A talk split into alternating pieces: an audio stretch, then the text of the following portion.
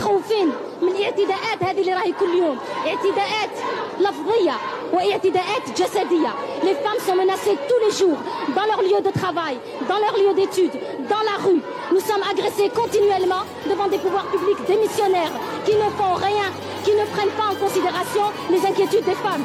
Je suis un écrivain et je suis féministe parce que je suis algérienne. Je dis en Algérie, même une pierre devient féministe devant l'oppression. Les femmes ont toujours protesté, que ce soit pendant la guerre, il y a eu une continuité. Les femmes ont toujours été là. Et selon la conjoncture, on les a mises en avant ou on les a reléguées en arrière.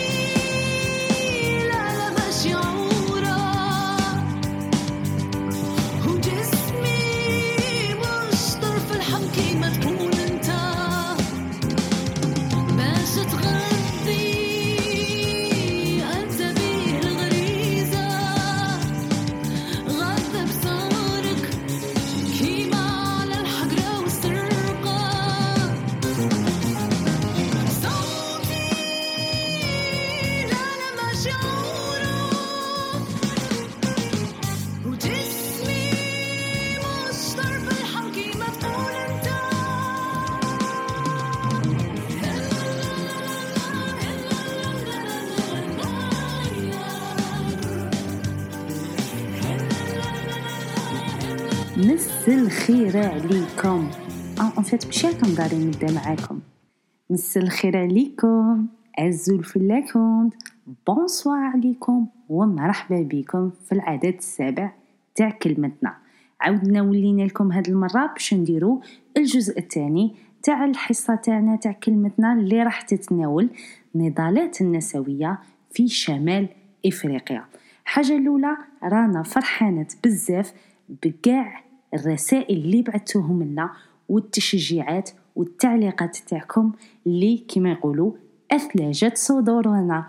حاجة تانية آه نشكركم على السعة تاع الصدر تاعكم آه وإنكم آه وتاني ثمنتوا لنا العربية تاعنا مع إنه المرة الماضية حسيت روحي بالعربية كنت غير نتيري كنت غير نشكل ما كنتش عارفة مليح. نتمنى إنه هاد المرة تداركت الموقف كامل هذا الأسبوع حاولت أني نقرأ أشياء باللغة العربية الفصحى وباش تاني نحكي جزائري وما دخلش فيها اللغة الفرنسية. نتمنى أني آه هاد ال comment dirais-je je vais réussir ce pari. Ça commence déjà mal. Euh, سوف أربح ما عرفت نقولها بالعربية. لكن المهم راني نحاول غادي نعمل مجهود كبير باش نحكي بالعربية. عاودنا ولينا هاد المرة في العدد السابع تاع كلمتنا صراو بزاف أشياء في الجزائر. صراو دي فيك نيوز وتاني صراو بزاف أشياء في العالم. مين نحكو العالم؟ مغدش أنا نعطيكم قاع واش صرا في مجريات العالم. لكن واحد الحادث آه، كبير صرا في العالم اللي هو أخيرا ظهرت نتائج الانتخابات الأمريكية. والظاهر يقولك جو بايدن نربح. تاني le conseil constitutionnel المجلس الدستوري في الجزائر عقد الاجتماع تاعه وعطانا في بيان رسمي النتائج النهائية تاع الدستور. وتاني من بين المواضيع فيروس كورونا مازال يدور الخطر تاعو راه غير يزيد يكبر. علاش؟ باسكو تراخينا شوية في الاحترازات الصحية تاعنا لازم ناخدو الاحتياطات تاعنا نحافظوا على المسافات ونسمعوا الآراء تاع الخبراء والأطباء ونلتزموا بكامل الاحترازات تاعنا. اعلى بالي اعلى بالي عندنا أفضل نظام صحي في إفريقيا. كيما قال ونزيد نكرر ونأكد أن النظام المنظومة الصحية نتاعنا أحسن منظومة في المغرب العربي وفي إفريقيا. حب من حب وكره من كره. لكن تعرفوا الشعار تاعنا في كلمتنا؟ الوقاية خير من العلاج. حافظوا على مسافة. التباعد الاجتماعي. غسلوا يديكم وعملوا الكمامات. الماسك حاجة مهمة. لازم دائما نتعاملوا بها. عملنا الحملة ذات منفعة عامة. الآن لازم نعملوا présentation تاع l'équipe تاعنا. l'équipe تاعنا تاع اليوم هي équipe جد جد رائعة. اليوم راح يكونوا معنا البلدان الآتية راح تكون معنا سمر من السودان سميرة من ليبيا سلمى من تونس من الجزائر. راح تكون معنا عودة مدام نصر مراح اللي غادي تكمل معنا la minute histoire تاعها اللي تعاود تذكرنا بالنضالات النسوية تاعنا في الجزائر وتاريخ هذا النضال النسوي. راح تكون معنا ليلى ليليا وئام اوراس ونريمان باهي. وفريدة معكم في ال animation. كما كل مرة دائما نشكر العارضه التقنية parce que كامل هاد لي ما كان راح يشوف كما قلت لكم النور بلا المجهودات الكبيرة تاع نريمان آه نروح نسمعوا أغنية ونعاودو نولو.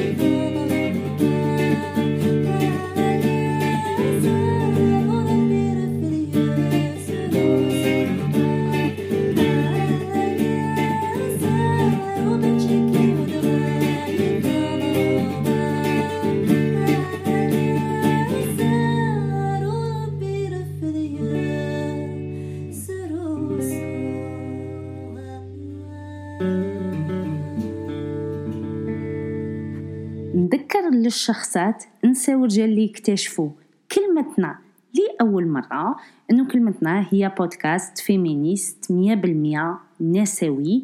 أه لنسويات جزائريات حاولوا أنهم يحكوا ويتعاطوا في الواقع السياسي بمنظور نسوي بحت.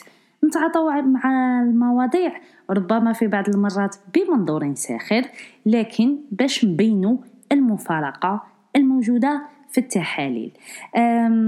نذكروا باللي la playlist elle sera publiée راح تكون آه، موجودة في الصفحة تاعنا بعد نهاية العدد وبعد نهاية ال live وتاني هذا العدد إذا ما قدرتوش تحضروا معنا le live غادي يكون على format تاع بودكاست تقدروا تطلعوا عليه وتشوفوا المحتوى تاعه في الصفحة تاعنا. وبما إنه راني نحكي في الصفحة لازم نحكي على la formule magique اللي هي الصيغة السحرية تاعنا تاع ال marketing. خاوتي خواتاتي بارطاجيو maximum. كثروا لنا من التعليقات كثروا لنا من réactions هادشي خلينا آه يدعمنا. حاجة الأولى. وتاني آه فعلوا آه الاشتراك في الصفحة. وتاني جرس التنبيه باش يوصلكم كل جديد على كلمتنا. راح نبداو بأول مداخلة المرة اللي فاتت. مدام نصيره ما راح ما كانتش معنا بصح هاد المرة عاودت ولات وراح نكملوا انصامبل باش نسمعوا تاريخ النضال النسوي في الجزائر. نذكر بالمداخله تاع مدام نصيره راح كانت مداخلة في عدة أجزاء اللي كانت تتناول فيه تاريخ النسوي. نسمعوا مدام نصيره راح ونعاودوا نقولوا تو سويت Dès 1962, donc dès l'indépendance, on considère que les femmes, elles ne sont que femmes. Donc en plus, femmes, je précise, la femme, c'est au singulier. On ne nous reconnaît pas notre diversité et euh, donc euh, nos divergences. La Constitution de 1963, elle déclare qu'il faut quand même accélérer l'émancipation de la femme afin de l'associer à la gestion des affaires publiques et au développement du pays comme j'ai dit, donc il faut l'associer, mais dans un cadre précis, parce qu'on a créé l'UNFA, et les femmes devaient être toutes dans l'UNFA, l'UNFA FLN, qui devait, elle, donc euh, l'embrigader, qui devait la, cadrer pour qu'elle ne sorte pas euh, des limites fixées par l'État FLN. À l'arrivée de la charte d'Alger en 1964, ben, la, charte d'Alger a parlé du rôle des femmes pendant la guerre. Elle a reconnu que euh, la, guerre a permis à la femme algérienne de s'affirmer et de prendre ses responsabilités et que les femmes ont permis, donc ont aidé à euh, briser le joug colonial. Malheureusement, cette égalité dont on parle dans ce texte, parce que là, il parle quand même dans la Constitution de 1963, on parle de que l'égalité doit s'inscrire dans les faits. Sauf que cette égalité, elle sera définie dans le cadre du parti unique et de l'article 23 de cette charte qui limitera les libertés et l'égalité, parce que les femmes sont déjà toutes regroupées dans l'UNFA, enfin celles qui veulent militer. Elles ne sont plus seulement femmes, mais elles sont militantes du parti. Et de cette égalité, cette égalité, elle doit s'inscrire dans les faits. Il ne leur restera que le, les devoirs, le devoir des militantes du parti qui doivent s'atteler à organiser les femmes. La politique du parti tend à la libération effective des femmes. Ça veut dire que pour être libre, il fallait rentrer dans le parti FLN et l'UNFA. Et évidemment, aucune libération n'était envisageable en dehors des structures du parti. Et si les femmes voulaient s'engager en politique, ben, elles devaient s'atteler à organiser les autres. Et pour, parce que le seul espace de liberté et l'espace d'activité, c'était dans le cadre du FLN. Et là, on arrive donc à la charte de 1976, parce qu'après, il y a eu le coup d'État, il n'y avait pas de structure, il n'y avait pas de cadre juridique euh, du pays. En 1976, Boumedienne euh, avait décidé, euh, soi-disant, d'ouvrir le champ politique.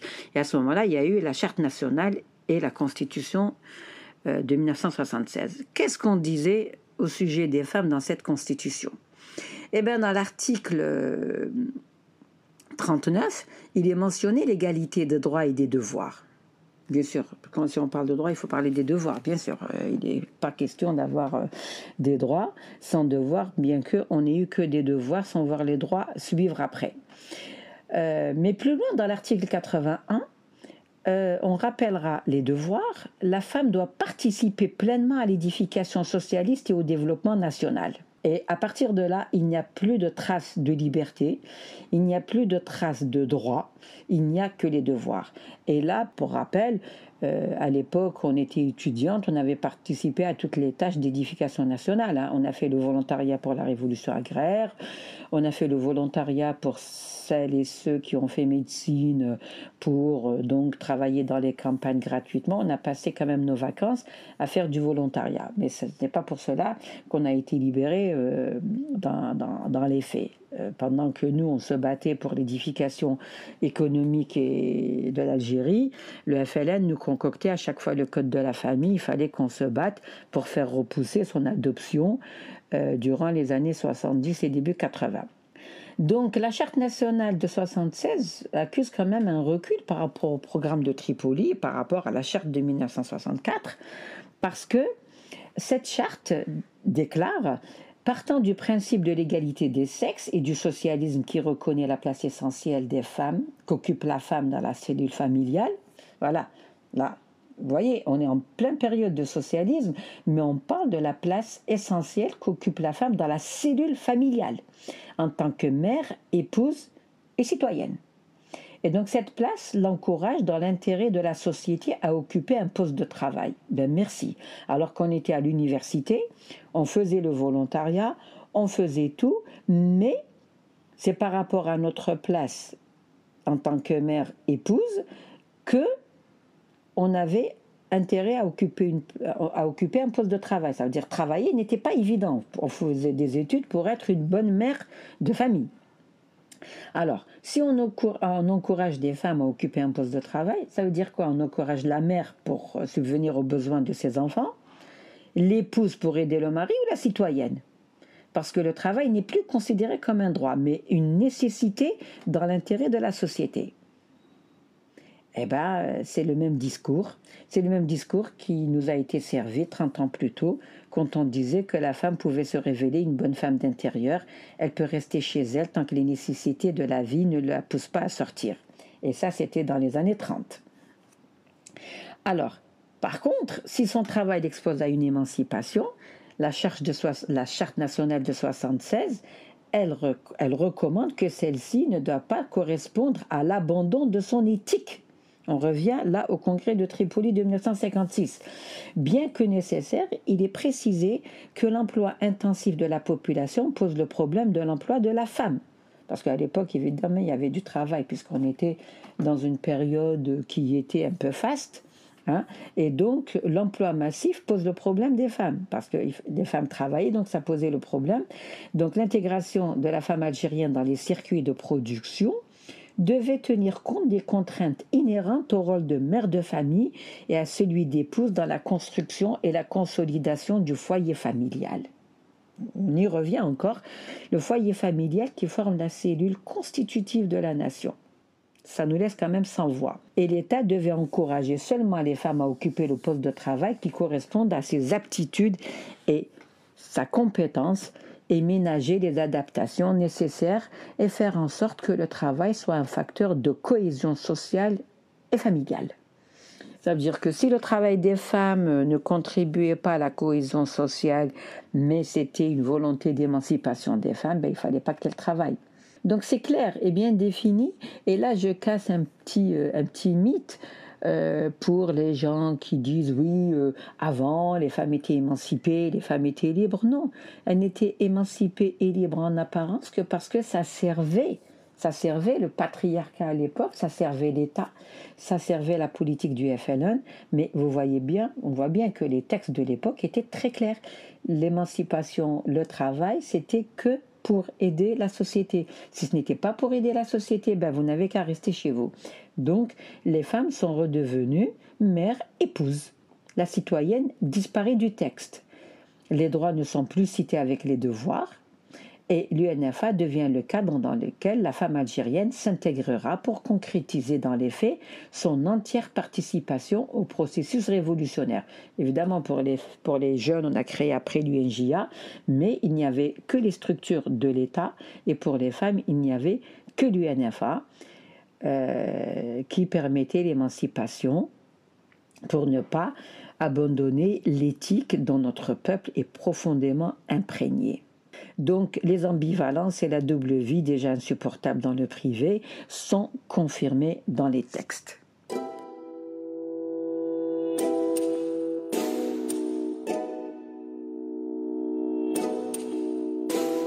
يما كتري من داوي ولادك راهم خارجين. يمشيوا على الحرية يما ولادك متحضرين. طالبين ديمقراطية هاك الورد زيد الياسمين. في مسيرة سلمية عالتغيير معولين. اليوم الشعبي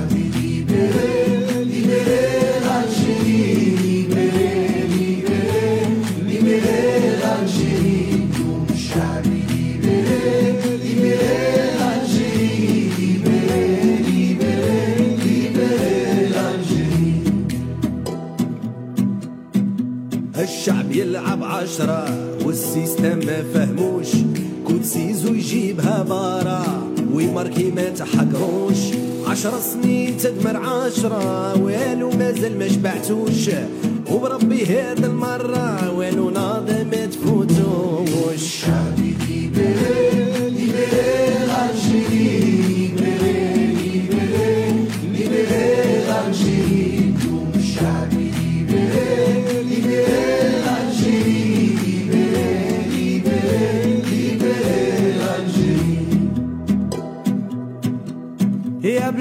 بلادي بكاو كدموع ميساج قال المسؤولين يونا مارك رانا منكم هادو عشرين وحنا صابرين يا تزاير قلبي راه معمر. يوم نسمع صوتي خلوني نهضر سلمية أنا ما جيتش نكسر. نقول الحق ما رانيش نخسر.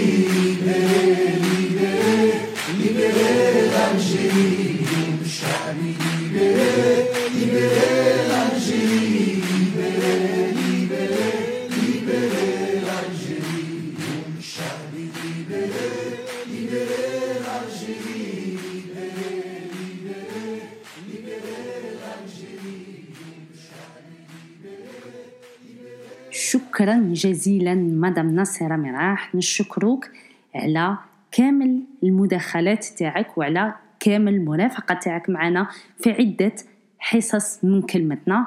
للشخصات اللي ما يفهموش اللغة الفرنسية مدام ناصرة مراح حاولت أنها تعطينا نقدر نقولوا عصارة آه، تاريخ النضال النسوي عبر عدة حلقات. هذه ليست في أول مرة تدخل معنا في كلمتنا حاولت أنها تشرح لنا علاش مع أنه المرأة الجزائرية والنساء الجزائريات كنا بقوة في الثورة التحريرية آه لكن واش صرا بعد الثورة؟ وعلاش الخطاب النسوي ما كانش قوي؟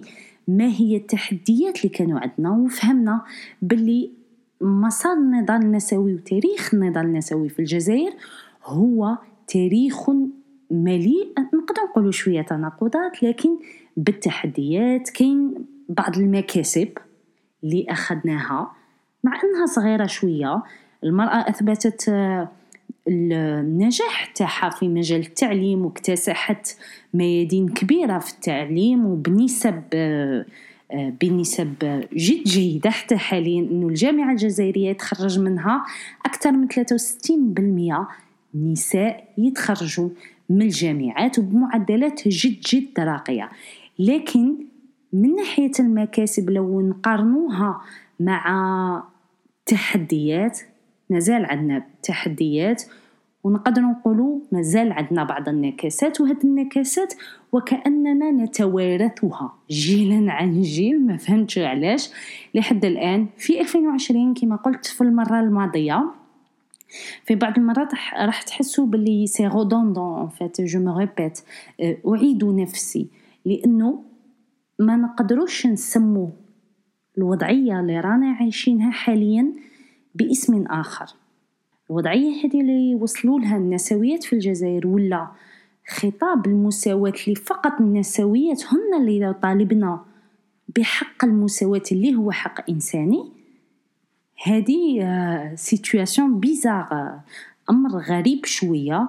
كامل العالم كامل الناس يسموا رواحهم مناضلين من أجل حقوق الإنسان لكن بالنسبة لهم مازال الإنسان آه، ما فيش النساء ما فهمناش وعلاش.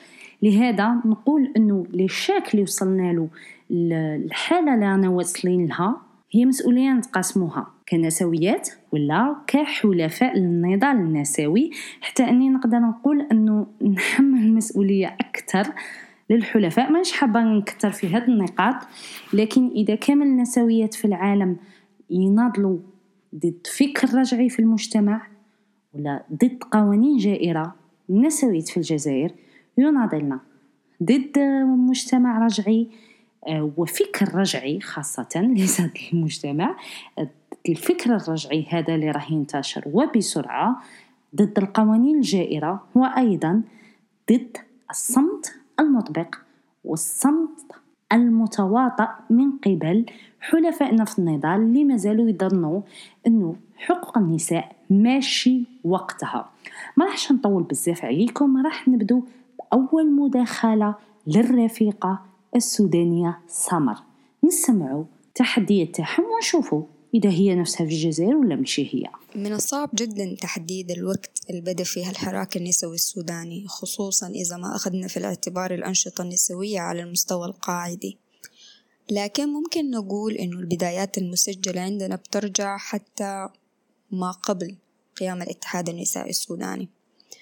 آه، كنا النساء وقتها آه، يطالبن بحقهن في التعليم والخروج إلى العمل. عرفت المرأة السودانية كونها سباقة في نيل حقوقها مقارنة برفيقاتها من نساء المنطقة. فنازعت النساء السودانيات لنيل حقوقهن السياسية زي حقهم في التصويت والترشيح منذ بداية التسعينات. نصبت أول برلمانية سنة 1964 ممكن نستشعر من الكلام اللي أنا قلته إنه الحراك النسوي وقتها كان نخبوي طبقي إلى حد ما. وده صحيح. إلى حد ما أيضا. كون النساء المتعلمات هن من كن يمتلكن الامتياز لقيادة الحراك لنيل الحقوق السياسية والاقتصادية. لكن ده ما بيلغي الحراك الموجود على المستوى القاعدي. العديد من النساء السودانيات أو النساء عموما في أي مكان في العالم آه، قد يكن نسويات النشأة والنشاط وبيمارسوا النسوية من دون حتى إنه يعرفوا بالمصطلحات أو بمصطلح نسوية.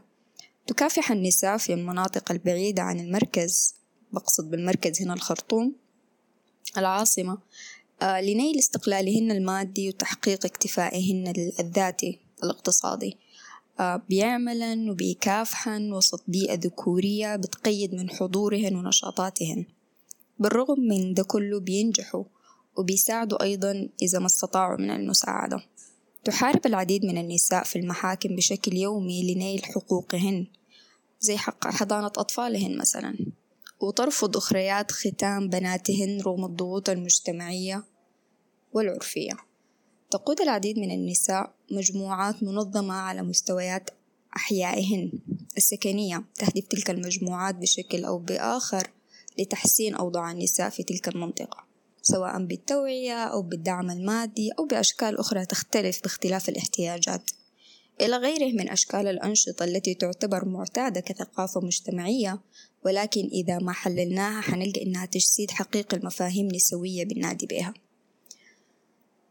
تواجه النساء النسويات في السودان العديد من التحديات. أيوة التحديات دي قلت بشكل كبير بعد ثورة ديسمبر لكن ظهرت على السطح أشكال للمقاومة الذكورية. التي لم نظن بوجودها أو على الأقل ما بال... بال... بالشكل الأسي إحنا شايفينه.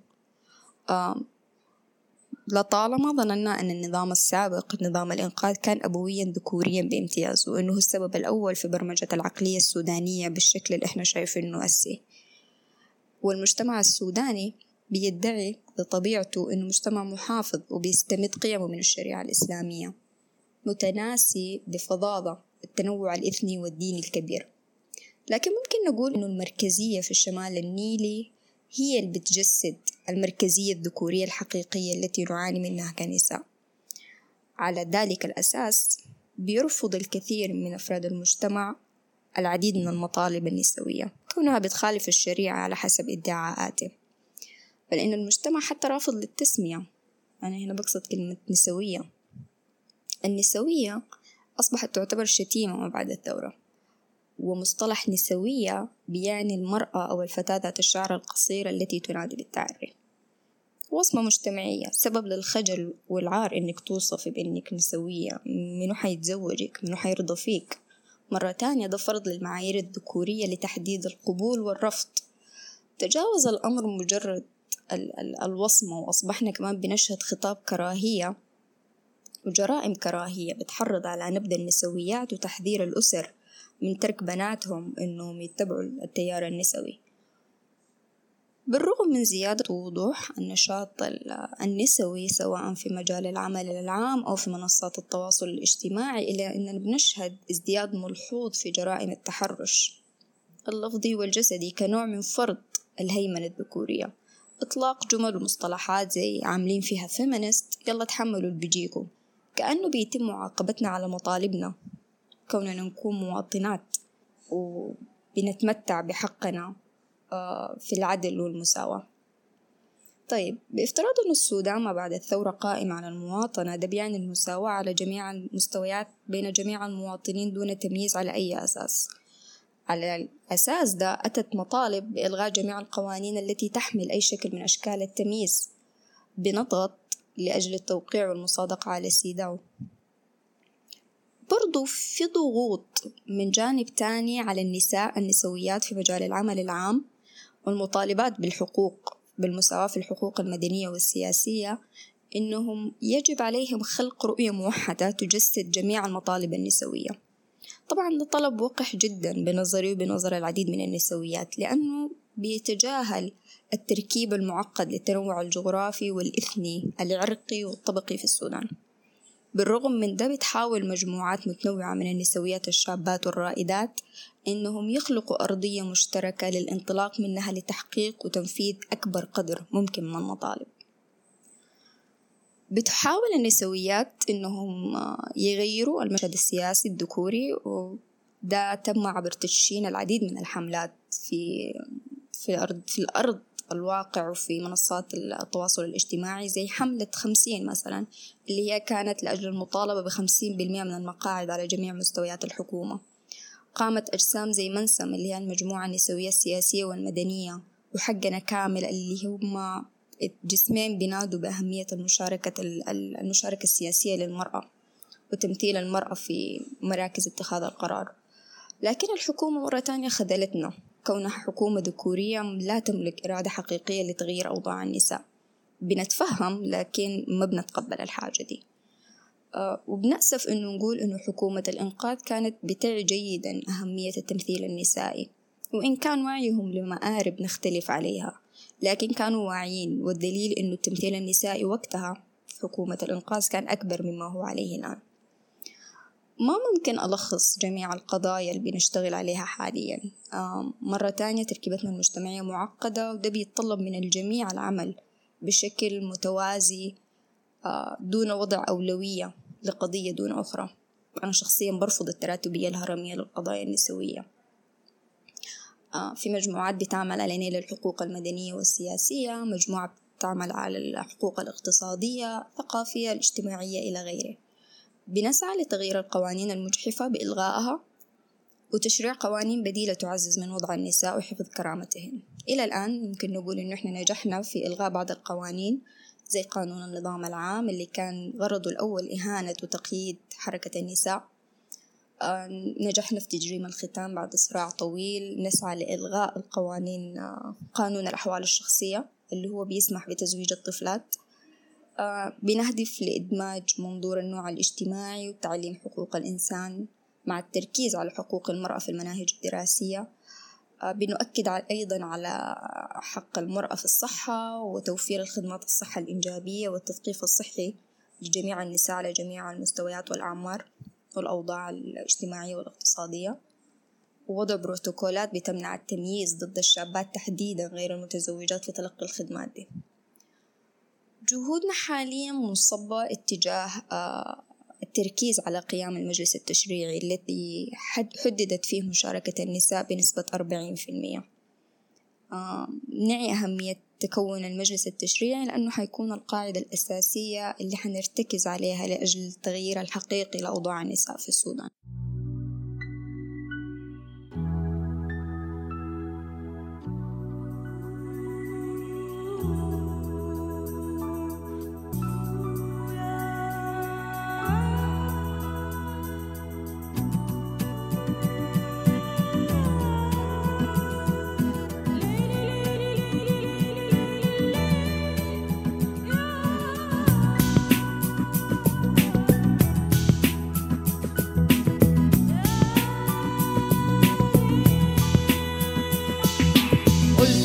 كفاية عليا الحياة. أمشي براحتي خط المشاة. حلوة الخطاوي وساعة ما دب هبقى في كلبش في وضع انتباه. قلت التنفس ضروري ومهم. بس الظهور قلت ممنوع إن أشم. ما اسمعش نفسك ده نوع من الإغراء. لحسن هتلاقي الناس تتلم. امشي زي الألف بس بهمزة طايرة. وعينيكي تكون في الأرض في وجود نظرة حيرة. غطي عينيكي أحسن تتهزي يا تستحملي وما تعيطيش خلي المراكب سايرة.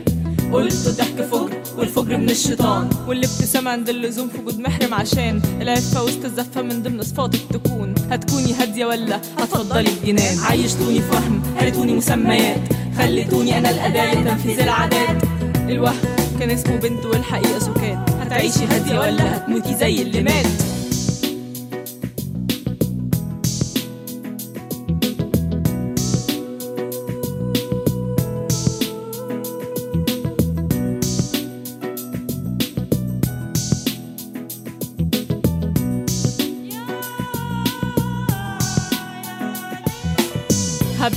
من الحقيقة. مش بس من السراب لسه فاكرة التبريئة والغيمة والضباب. هقول حاجات كتير قالوا لي شبه مستحيلة. من حقي أجري الصبح بدري من غير تعليقات سخيفة فيها. إيه لو راكبة عجلة وما يتقالش دي بنت سافلة ليه؟ عشان ألبس فستان يبقى لازم فيه مناسبة. مش هموت لحد ما أفهم مفهوم الحرية. حريتي دايما هتبقى حق ليا. يا أبويا ولا أخويا ولا جوزي احترمني. فكر واسأل نفسك مرة إيه تعريف العيشة المرة؟ ترد تقول لي إحنا شرق مش عايشين بره الخصوصية برضو حقي ولازم تحترم. أنا مش ملكية عامة بتزيدوا عليها الألم. سيبوني أعيش حياتي وبوشي الحقيقي. مش من وأنا لسه صغيرة بتخططوا في طريقي. أنا جسمي بس ملكي مش هسمح بالتشويه. أنا لسه حقوقي كتير فليسكت السفيه. الخطوة الأولى تقول من حقي إني أختار. هختار أنا حياتي وأعيشها بإصرار. من حقي أكمل تعليمي لحد ما اكتفي. من حقي أبان للعالم مش عايزه أختفي. من حقي أختار شريك مش شريك لعيلتي. يمشي معايا الطريق ويكمل مسيرتي. من حق أخويا يحترمني وما يهاجمش. ما يهاجمش. مش بره يقول حرية ويجي عندي يقول لي هش مش هموت لحد مش. حريتي مش ملك ليك دايما هتبقى حق ليا.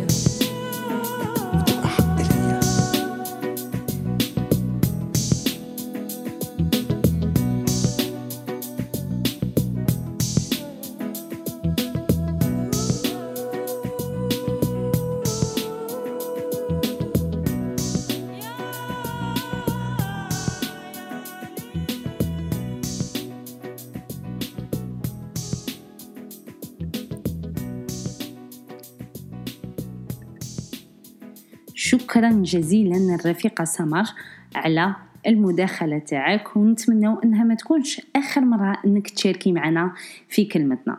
نذكر انه سمر هي من السودان والسودان هو حاليا ثالث أكبر دولة في قارة إفريقيا. وبعد انقسام السودان صارت الجزائر هي أكبر دولة في قارة إفريقيا. السودان حاليا يعتبر الجسر بين شمال إفريقيا ودول الشرق الأوسط. تواجه السودان عددا من التحديات ومنها التحديات البيئية المتعلقة بتغيرات المناخ. عندهم مشاكل أيضا طبيعية تأكل التربة التصحر الجفاف المتكرر وكامل هذه المخاطر البيئية عندها انعكاسات إيفيدامون في مجال ال- الاقتصاد لأنه أيضا ما تنسوش آه، الفلاحة الزراعة كامل هاد الأشياء كاين إمباكت تاع المناخ كبير عليها. لهذا آه، وكأنها سلسلة تؤثر على عامل يتأثر عوامل أخرى.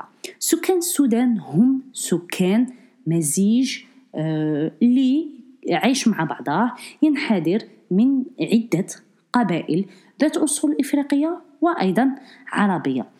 حاليا معظم القبائل تتحدث اللغة العربية وتهيمن الثقافة العربية على أكثر من 97% من سكان السودان واللي هما أيضا أغلبية سنية ومسلمين كاين أقلية مسيحية جد صغيرة.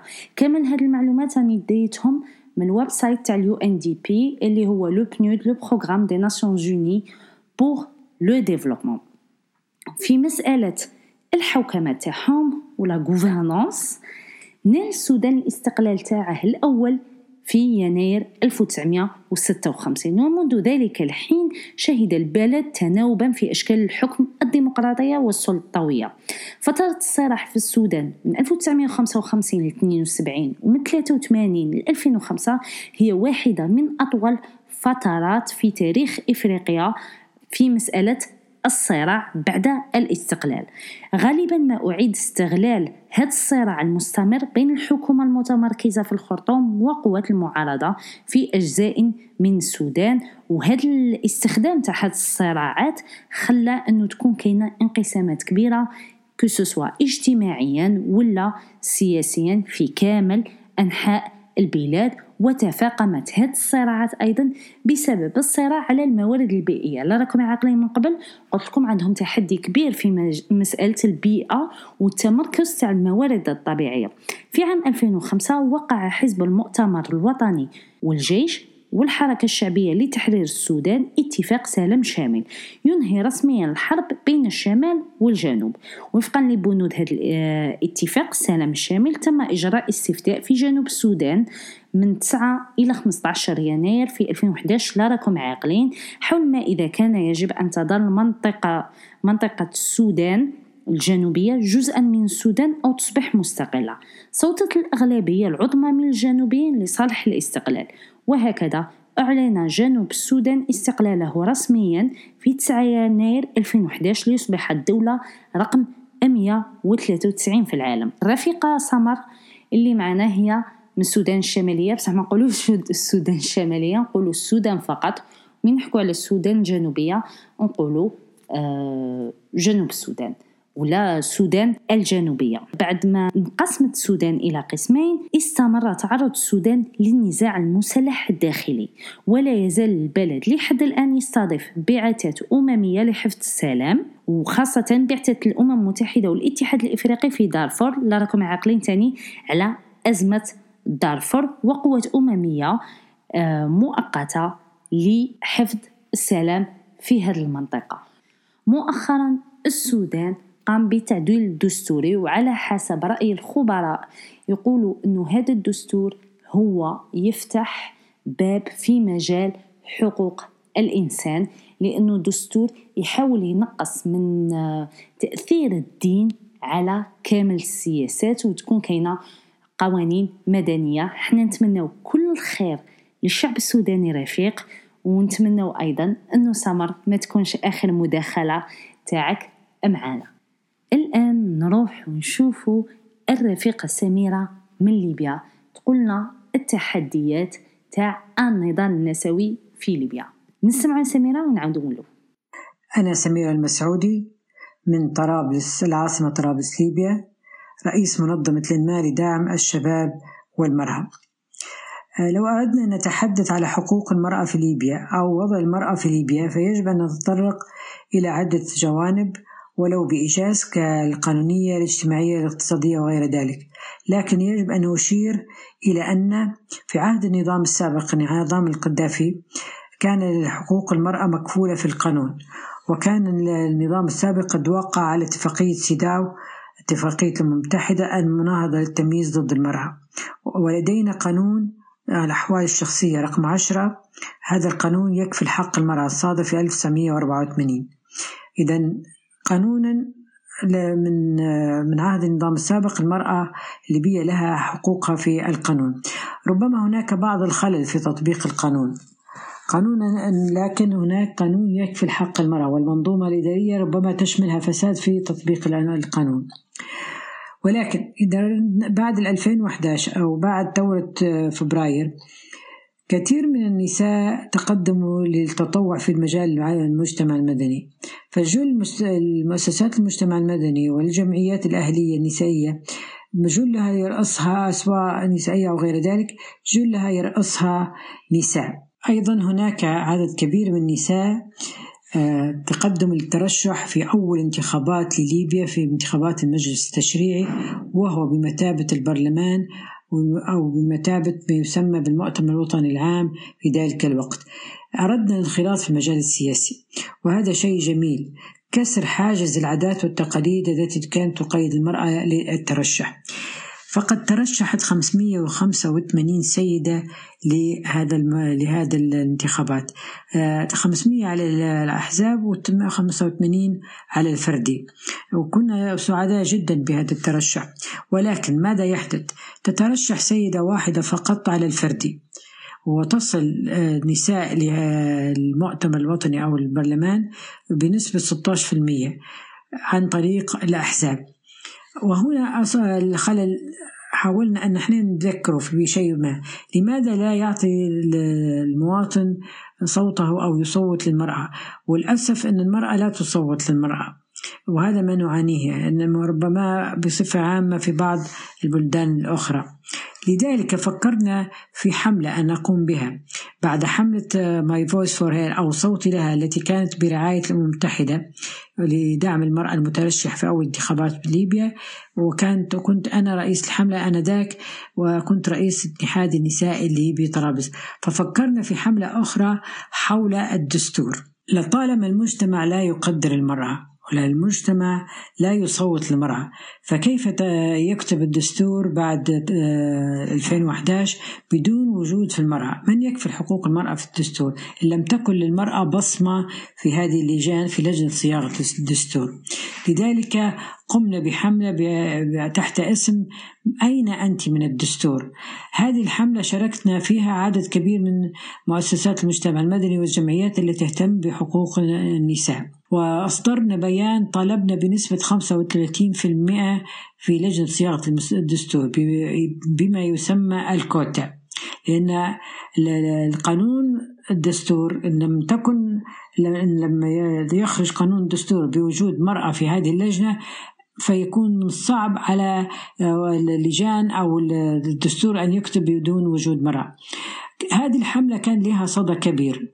وكان لها بالإعلام وكان لها توقيعات لأن أصدر بالبيان هذا قمنا بتوقيعات الجمعيات ومنظمات حقوقية وشاركنا منظمات دولية في ذلك الوقت فكان لها صدى كبير جدا. وقمنا أيضا بمظاهرات أمام البرلمان للمطالبة في في يوم التصويت على اللجنة التي تصيغ الدستور. طلبنا بضرورة وجود نسبة للمرأة وهو يسمى الكوتا. وبعد فترة طويلة وبعد معاناة ونضال تحصلت المرأة على نسبة 10% في لجنة صياغة الدستور. من 35 طالبناها 10% ومع ذلك نعتبر نجاحنا لأنها تعتبر بداية مشوار. وسيستمر المشوار من أجل كوتا في في عدة المجالات أخرى في في أشياء سيادية في أماكن صنع القرار لأن ما زالت المرأة تعاني في في ترشحها لعدة مناصب كالمناصب القيادية ومناصب صنع القرار. إذا أردنا أن نتحدث على ما يحدث اليوم على الساحة وما هي التحديات التي تواجه المرأة الليبية وكيف سيستمر مسيرة النضال اليوم لدينا تحدي كبير جدا أو تحديات كبيرة من جدا أهمها تحدي الوضع الأمني المتردي في ليبيا والتحدي الأكبر أيضا الانقسام السياسي الحاد الموجود في ليبيا. ماذا ترتب عليه عن ذلك؟ وما تأثيره على وضع المرأة في ليبيا؟ فكثير من النساء تراجعوا وصار عزوف كبير على المشاركة في مجال المجتمع المدني والمشاركة السياسية. لأن كثير من الرجال رفض المرأة أن تخرج من بيتها أو تتحرك بحرية لطالما في حالات أحيانا اختطاف أو حالات إخفاء قسري أو أي شيء آخر من هذا القبيل الذي يضر به المرأة فكثير من النساء تراجعوا في هذا المجال وهذا يعتبر تحدي كبير. ولكن ما زلنا نحن مستمرين في النضال. أيضا ترتب عليه تراجع ما في حقوق المرأة على سبيل المثال في المجال الاجتماعي. فالمرأة في غياب القانون نوعا ما في بعض المناطق وعدم تطبيقها نتيجة حروب ونتيجة صراعات ونتيجة نزوح لبعض النساء فنلاحظ أن هناك كثير من النساء لم يتحصلوا على الميراث. مشكلة الميراث مشكلة كبيرة جدا في ليبيا فكثير من العائلات أحيانا لا تعطي ميراثها للمرأة. أيضا هناك تحدي سياسي. على سبيل المثال مثل السيدة سهام سرقي والذي تم إخفاء قصري لها نتيجة أن هي تعبرت عن رأيها أو أي شيء آخر لكن مرأة يحدث لها إخفاء قصري فهذا تعتبر معاناة كبيرة للمرأة الليبية ونحن ضد هذه الانتهاكات التي تحدث للمرأة. لدينا اهتمام في مجال إحلال السلام. حسب قرار مجلس الأمن 1325 الصادر في سنة 2000 والذي يعتبر أن المرأة ضروري مشاركتها أن تكون مشاركة في إحلال السلام في الدول الخارجة من النزاعات المسلحة لأن دائما المرأة هي الضحية الأولى في الدول التي يحدث فيها نزاعات ويحدث فيها حروب. لذلك نحن في نشاطاتنا نسعى دائما لبرامج حول كيفية إحلال السلام للتوعية أن تكون المرأة مشاركة في لجان المصالحة في لجان الحوار. رغم هناك أحيانا نجد تهميش لها وتهميش لدورها. نحن لا نريد أن تكون المرأة مجرد رقم أو مجرد مكان فقط. نريدها أن تكون لها مشاركة فعالة. ولكن أحيانا يحدث لها تهميش وعدم اهتمام لدورها في أي لجان أو أي آه، حوار. أيضا لدينا عنف كبير مسلط على النساء ومن الصعب في مجتمعاتنا لأن نحن الذي يحدث السبب في تراجع المرأة في حقوقها وهو مجتمعاتنا الذكورية. مجتمع ذكوري وثقافات بالية أحيانا تعيق حركة المرأة وتعيق نشاطها وتمنعها من الحصول على حقوقها. على من نيل حقوقها. لذلك نلاحظ أن عدد كبير من النساء يتعرضن للعنف ولا يستطيع أن يتم التبليغ على حالات العنف التي تحدث لهم. لا نقصد العنف فقط من الزوج أو الابنة أو, أو الابنة أو أي شيء آخر وإنما العنف من جميع أنواعه وجميع أشكاله سواء عنف الاقتصادي عنف اجتماعي عنف تحرش عدة أنواع من العنف تحدث ولا يتم التبليغ عنها في غياب الدولة ولا تهتم الدولة بهذه الحالات أحيانا. كذلك الدولة لا توفر أماكن للنساء المعنفات فيجب أن يكون مراكز سواء مراكز اجتماعية مراكز نفسية تهتم بالمرأة المعنفة والتي يحدث لها انتهاك من قبل أسرتها أو مجتمعها. لذلك المرأة الدولة ما زالت لم تولي ذلك الاهتمام الكبير للمرأة المعنفة. أيضا ما زلنا مستمرين في نضالنا خصوصا على موضوع الذي يعتبر موضوع ساخن نوعا ما في مسودة الدستور الصادرة في 2017 والتي إلى الآن لم يتم الاستفتاء عليها وهو حصول أبناء النساء الليبيات المتزوجين من أجانب على الجنسية. هذوما الأبناء أو البنات مهضوم حقهم كثيرا لم يتحصلوا على حقوقهم بحكم أن القانون الليبي أو لا يمنح الجنسية لأبناء السيدات الليبيات المتجوزات من أجانب.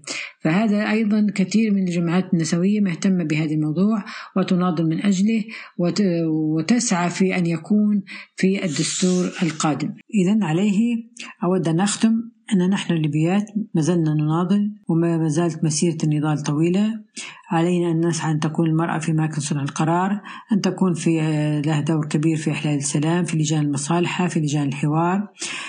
أن تنال حقوقها في مسودة الدستور التي سيتم الاستفتاء عليها قريبا وألا تكون رقم فقط أو مكان فقط بشاغر لا وإنما يكون لها دور فعال كبير جدا. لأننا نعتبر نفسنا نحن مسؤولين مسؤولية كبيرة أمام الوطن وأمام الأجيال القادمة لأن سوف تحاسبنا الأجيال القادمة. ماذا قدمنا؟ لأن نحن سنؤسس قاعدة لهذه الأجيال. إن, إن, إن تعرضنا نحن لانتهاكات في يوم ما في زمن ما لا نريد أن تكون الأجيال القادمة نفس معاناتنا التي عانيناها نحن. لذلك نسعى دائما لنيل حقوق المرأة. نضالنا لن يقف ولن يقف وسنطالب بحقوقنا في أي وقت وأي في أي زمان. ونسعى دائما لأن تكون للمرأة الليبية صوت عالي لأن صوت واحد لا يسمع. فعلينا أن تعلى الأصوات جميعا حتى يسمعنا جميعا. دائما هذه أقولها أننا يجب أن يعلى صوت المرأة فوق أي صوت آخر. لأن المرأة محتاجة لمن يسمعها عندما يعلى صوتها. شكرا لكم على حسن الاستماع. شكرا لراديو كلمتنا على على تسليط الضوء على على المرأة الليبية. شكرا لكم جميعا.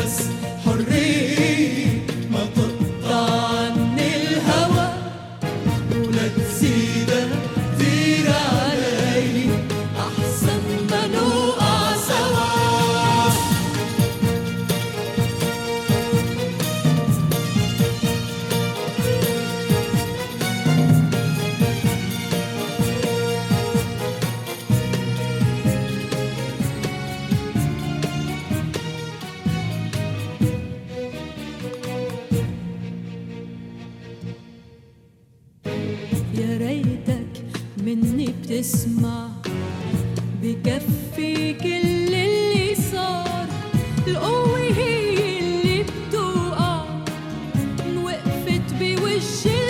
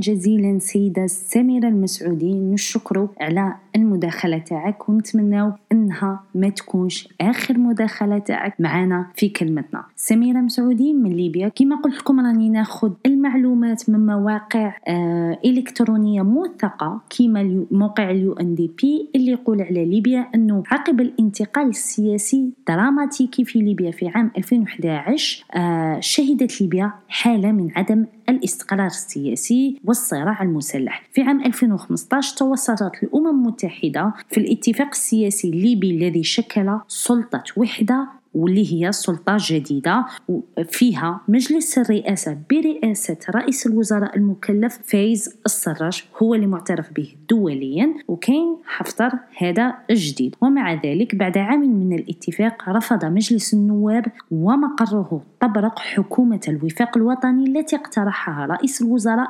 المكلف السراج. بعد خمس سنوات من الصراع وبيئة سياسية آه محتقنة في احتقان متزايد يعاني الشعب الليبي من تدهور كبير في الوضع الإنساني. وحاليا ليبيا راه فيها نقدر نقولوا إنه زوج راهم يحكموا فيها. كاين هذا السراج فايز السراج وكاين الجنرال حفتر وكل واحد عنده من يدعم فيه. حنا من بين الأشياء كما نقول كل مرة مع اني من المعارضة كاين بعض الأشياء اللي آه السياسة تاعنا كما يقول لك سياستنا واضحة والشعب راضي. السياسة تاعنا الخارجية كدولة جزائرية هي سياسة أنها تدعم المسار السياسي السلمي والانتقال الديمقراطي في دول أخرى. نتمنوا أنه نفس الشيء في الجزائر لكن حنا نتمنوا موقف الجزائر في مسألة الملف الليبي. و on est conscient وحنا واعيين بالكامل التحديات اللي كاين في هذا الملف. ما راحش نكثر بزاف لأنه أنا ماشي خبيرة سياسية في ليبيا. نعاود نرجع لواش قالت الرفيقة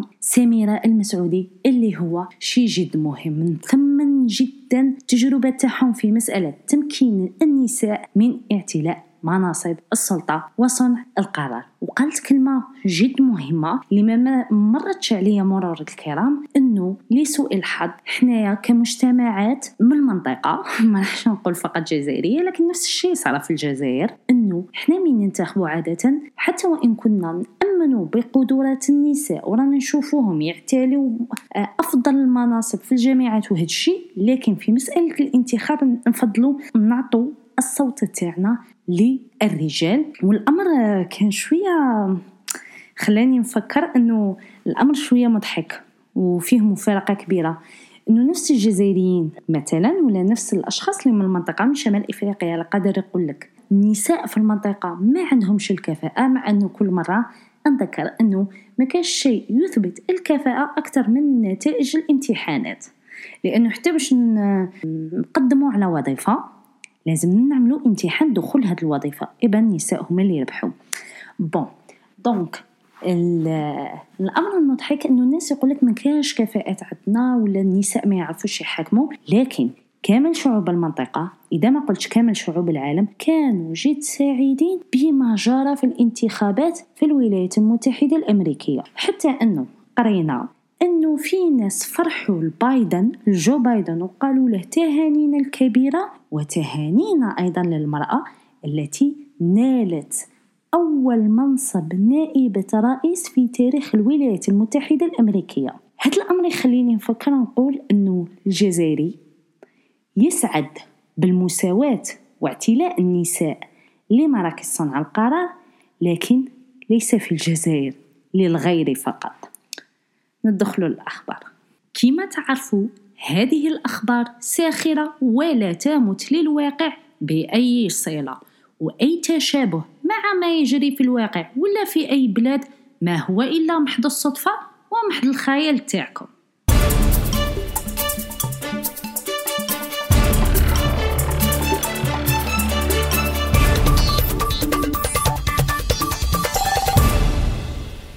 الخبر الأول. لا سورس هي صفحة التلفزيون الجزائري. تنفيذا لتعليمات رئيس الجمهورية السيد عبد المجيد تبون بإطلاع الرأي العام على تطور حالته الصحية يؤكد الفريق الطبي المرافق له أن السيد الرئيس قد أنهى بروتوكول العلاج المصابه ويتلقى حاليا الفحوصات الطبية لما بعد البروتوكول. الله يشفي قاع المرضى.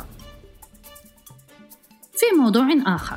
في الفترة الأخيرة في واحد البلاد الحرائق دارت حالة وفتحوا تحقيق ليكي بكلمتنا حزينة أنه كان في خسائر بشرية وخسائر مادية. ربي يرحم الموتى وإن شاء الله يصرى تعويض الكامل الخسائر المادية. ننتظر نحن في نتائج التحقيق مع أنه الآراء الأولية راهي تقول أنه كاين مؤامرة.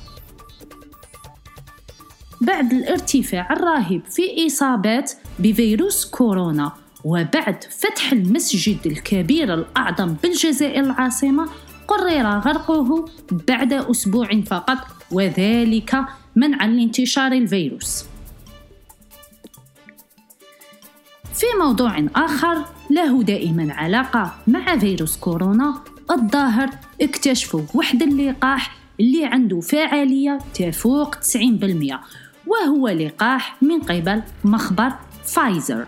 لكن يوجد واحد الإنسان ساكن في واحد البلاد اللي سموه بوناطيرو يندد وبشدة ويقول لهم راكم عاقلين النهار اللي سرق الملف تاعي باش نحط le brevet على هذا ال vaccin؟ نتوما اللي سرقتوه وسرقتوا لي الخلطة السحرية لإنقاذ البشرية. l'équipe كلمتنا راح تفتح تحقيق وراح تتابع مجريات هذه القضية. في موضوع آخر بعد ال suspense الكبير المجلس الدستوري يقول الاستفتاء على مشروع تعديل الدستور جرى في ظروف حسنة. أكد رئيس المجلس الدستوري كمال فنيش مساء اليوم الخميس أن الاستفتاء على مشروع تعديل الدستور الذي تم في الفاتح من نوفمبر جرى في ظروف جد حسنة. وقال السيد فنيش خلال الإعلان المتضمن النتائج النهائية لهذا الاستفتاء أن المجلس الدستوري يعتبر أن هذا الاستفتاء جاء على القلب. كما يؤكد صحة إجراء الاستفتاء وشفافيته وفق الضمانات التي يكفلها الدستور والقانون العضوي المتعلق بنظام الانتخابات والنصوص التنظيمية ذات الصلة. أي خلاص في خبر آخر. تأهل المنتخب الوطني لكرة القدم لفعاليات كأس إفريقيا للأمم أبصحتنا. على الأقل خبر مليح نهاية الأخبار الساخرة. الآن الأخبار الحقيقية. قضية الصحراء الغربية. أكد سفير الجمهورية العربية الصحراوية في الجزائر عبد القادر طالب عمر أن الاعتداء الوحشي لقوات الاحتلال المغربي على المدنيين الصحراويين والصحراويات المتواجدين في منطقة الكركرات خرق لكل الاتفاقيات مشيرا أن الصراع دخل مرحلة جديدة. وأوضح عبد القادر طالب عمر إن الاحتلال المغربي فتح ثلاث ثغرات جديدة في جدار الذل والعار المغربي وقام بالاعتداء على المدنيين العزل في خرق سافر لاتفاق وقف النار مما أجبر الجيش الصحراوي على الرد لحماية المدنيين العزل. الناس اللي ما تعرفش القضية الصحراوية هي قضية عادلة. هي قضية تصفية آخر استعمار في قارة إفريقيا. هي قضية حق الشعوب في تقرير مصيرها. نذكروا الدعم تاعنا كاع اللي كيب كلمتنا تدعم المسار السلمي في تحقيق المصير تاع الشعب الصحراوي. ونذكروا الناس اللي ما راهيش قارية على القضية الصحراوية نقول لهم عملوا جوجل وراح تطلعوا على كامل المعلومات. نذكروا أيضا إنه المملكة المغربية نالت الاستقلال تاعها في الستة وخمسين. من 56 حتى ل 75 عمرهم ما طالبوا بتحرير الأراضي الصحراوية. خرجت إسبانيا من الأراضي الصحراوية في سنة ال 75 وبعدها عاود خلفها الاحتلال المغربي في ديك الفترة مع موريتانيا بعد مفاوضات وجهود وأيضا حرب موريتانيا أعطت الاستقلال لجنوب الصحراء الغربية وقعد المغرب مازاله قاعد في المنطقة الشمالية. بناو جدار ذل عازل. والناس اللي يقول لك أنه الصحراء المغربية أنا ما نعرفش ولا حتى واحد في كلمتنا نظن ما يعرفش باللي كاين دولة تبني جدار عازل بينها وبين مواطنيها وفي أراضيها. سمعنا بترامب كان حاب يبني جدار عازل بصح بين الولايات المتحدة الأمريكية والمكسيك. سمعنا أيضا أنه الاحتلال الصهيوني بنى جدار أيضا باش يحمي ما يسمى بالأراضي تاوعو. وخلى الأراضي الفلسطينية. بصح ما سمعتش أنا بدولة. في أرضها تبني جدار عازل تعزل المواطنين تاوعها. نتمناو أنه كامل الشعب الجزائري يتضامن مع الشعب الصحراوي ونتمناو أنه يكمل مسار السلم مسار السياسي مسار المفاوضات لعمل استفتاء تقرير المصير. تلقت المناضلة الحقوقية النسوية فاطمة بوفنيق جائزة جسر المتوسط. وذلك تثمينا لكل أعمالها في مجال النضال من أجل حقوق الإنسان ومن أجل نضالها النسوي وكامل أعمال البحوث الجامعية اللي قامت بها. من أجل جزائر ديمقراطية جزائر تسودها المساواة وجزائر تسودها ثقافة حقوق الإنسان الحقة دون تمييز. فريق كلمتنا يقدم كامل تهاني للسيدة المناضلة الناشطة النسوية فاطمة بوفنيق ونتمنى لها مزيد من التألق. في خبر آخر تم طرد تلميذة من ثانوية العقيد لطفي بولاية وحران من قبل مدير الثانوية وذلك على حسب رايو أنه شعرها لا يناسب معاييره الذكورية وحنايا ليكيب كلمتنا تندد وبشدة بهذا التصرف الغير المسؤول. نطالب برد الاعتبار واعتذار رسمي وخاصة علني باش هاد التصرفات ما تزيدش تصرى في المدارس تاعنا. نهاية الأخبار. وش واللي يضمني وش وين نضمني منين نجيب الجل؟ والجل راهو غالي راهو غالي ما عنديش المال. وشعري واللي يضمني والجل راهو زادني. طلعتو وحبطني مازال رطب مازال. دوسي قبايل حسيت ورطب هايل. كي مشط ورجع نايل. وحكم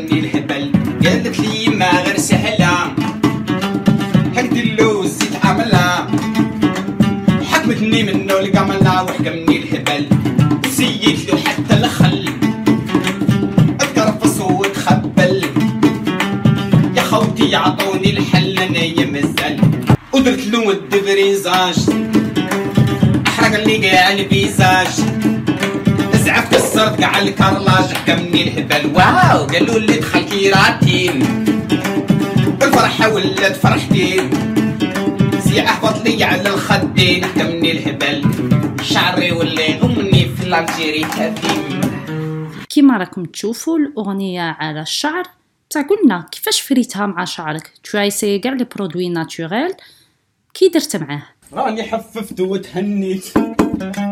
يا خوتي منو تغميت حياتي غير زيت أنا مازال كنت مربي حتى الكتاف غميت وحكمني اسعاف هبط نجري عند الحفاف تحكمني الهبل شريت له الشامبوا في النيس. سوا القرعة فانسيس شعري ونعلق الليس حكمني الهبل زدت له وحدة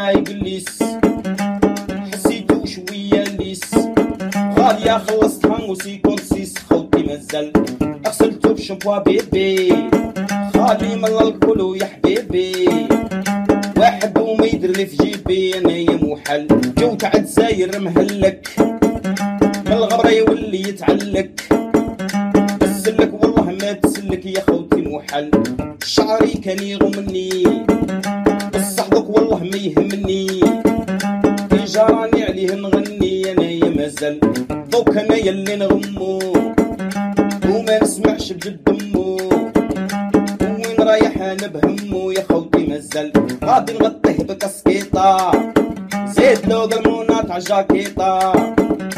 ونشري فيها برويطة ونطلق الهبل خرج راسي من الكارو نولي نبانو لو قارو.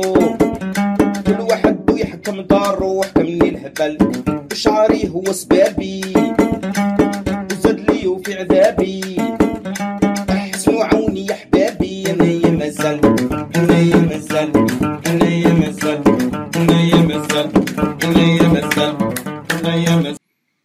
أنا يا مازال. حنا تاني نقولوا لك حنا تاني مازال نساء في الجزائر مازالوا يتحكموا في شكل الشعر تاعهم في شكل الجسم تاعهم في أي حاجة تتعلق بحريات النساء في هذا البلاد. أه حبيت نقول لكم باللي مشكلة طرد هاد البنت من المؤسسة التربوية من الثانوية تاع العقيد لطفي ما هيش فقط طرد على جال شعر ولكن هي une volonté تاع التحكم في أجساد النساء ومحاولة إعطاء صورة نمطية ومعايير معينة اللي لازم الفتيات دائما يكونوا ملتزمين بها باش يكونوا بنات famille كما نقولوا إحنا بالجزائرية ولا بنات عائلة وناس ولا بنات محترمات.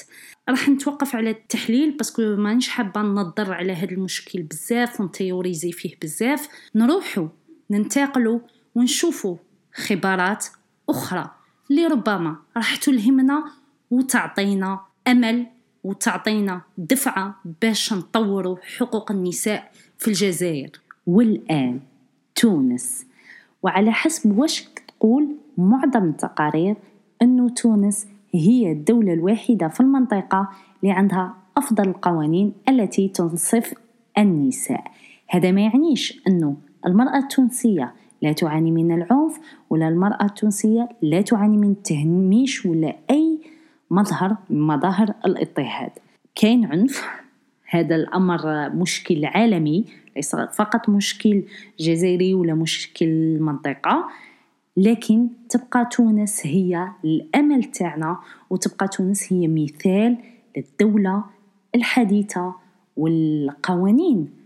اللي متطورة وخاصة في مسألة حقوق النساء.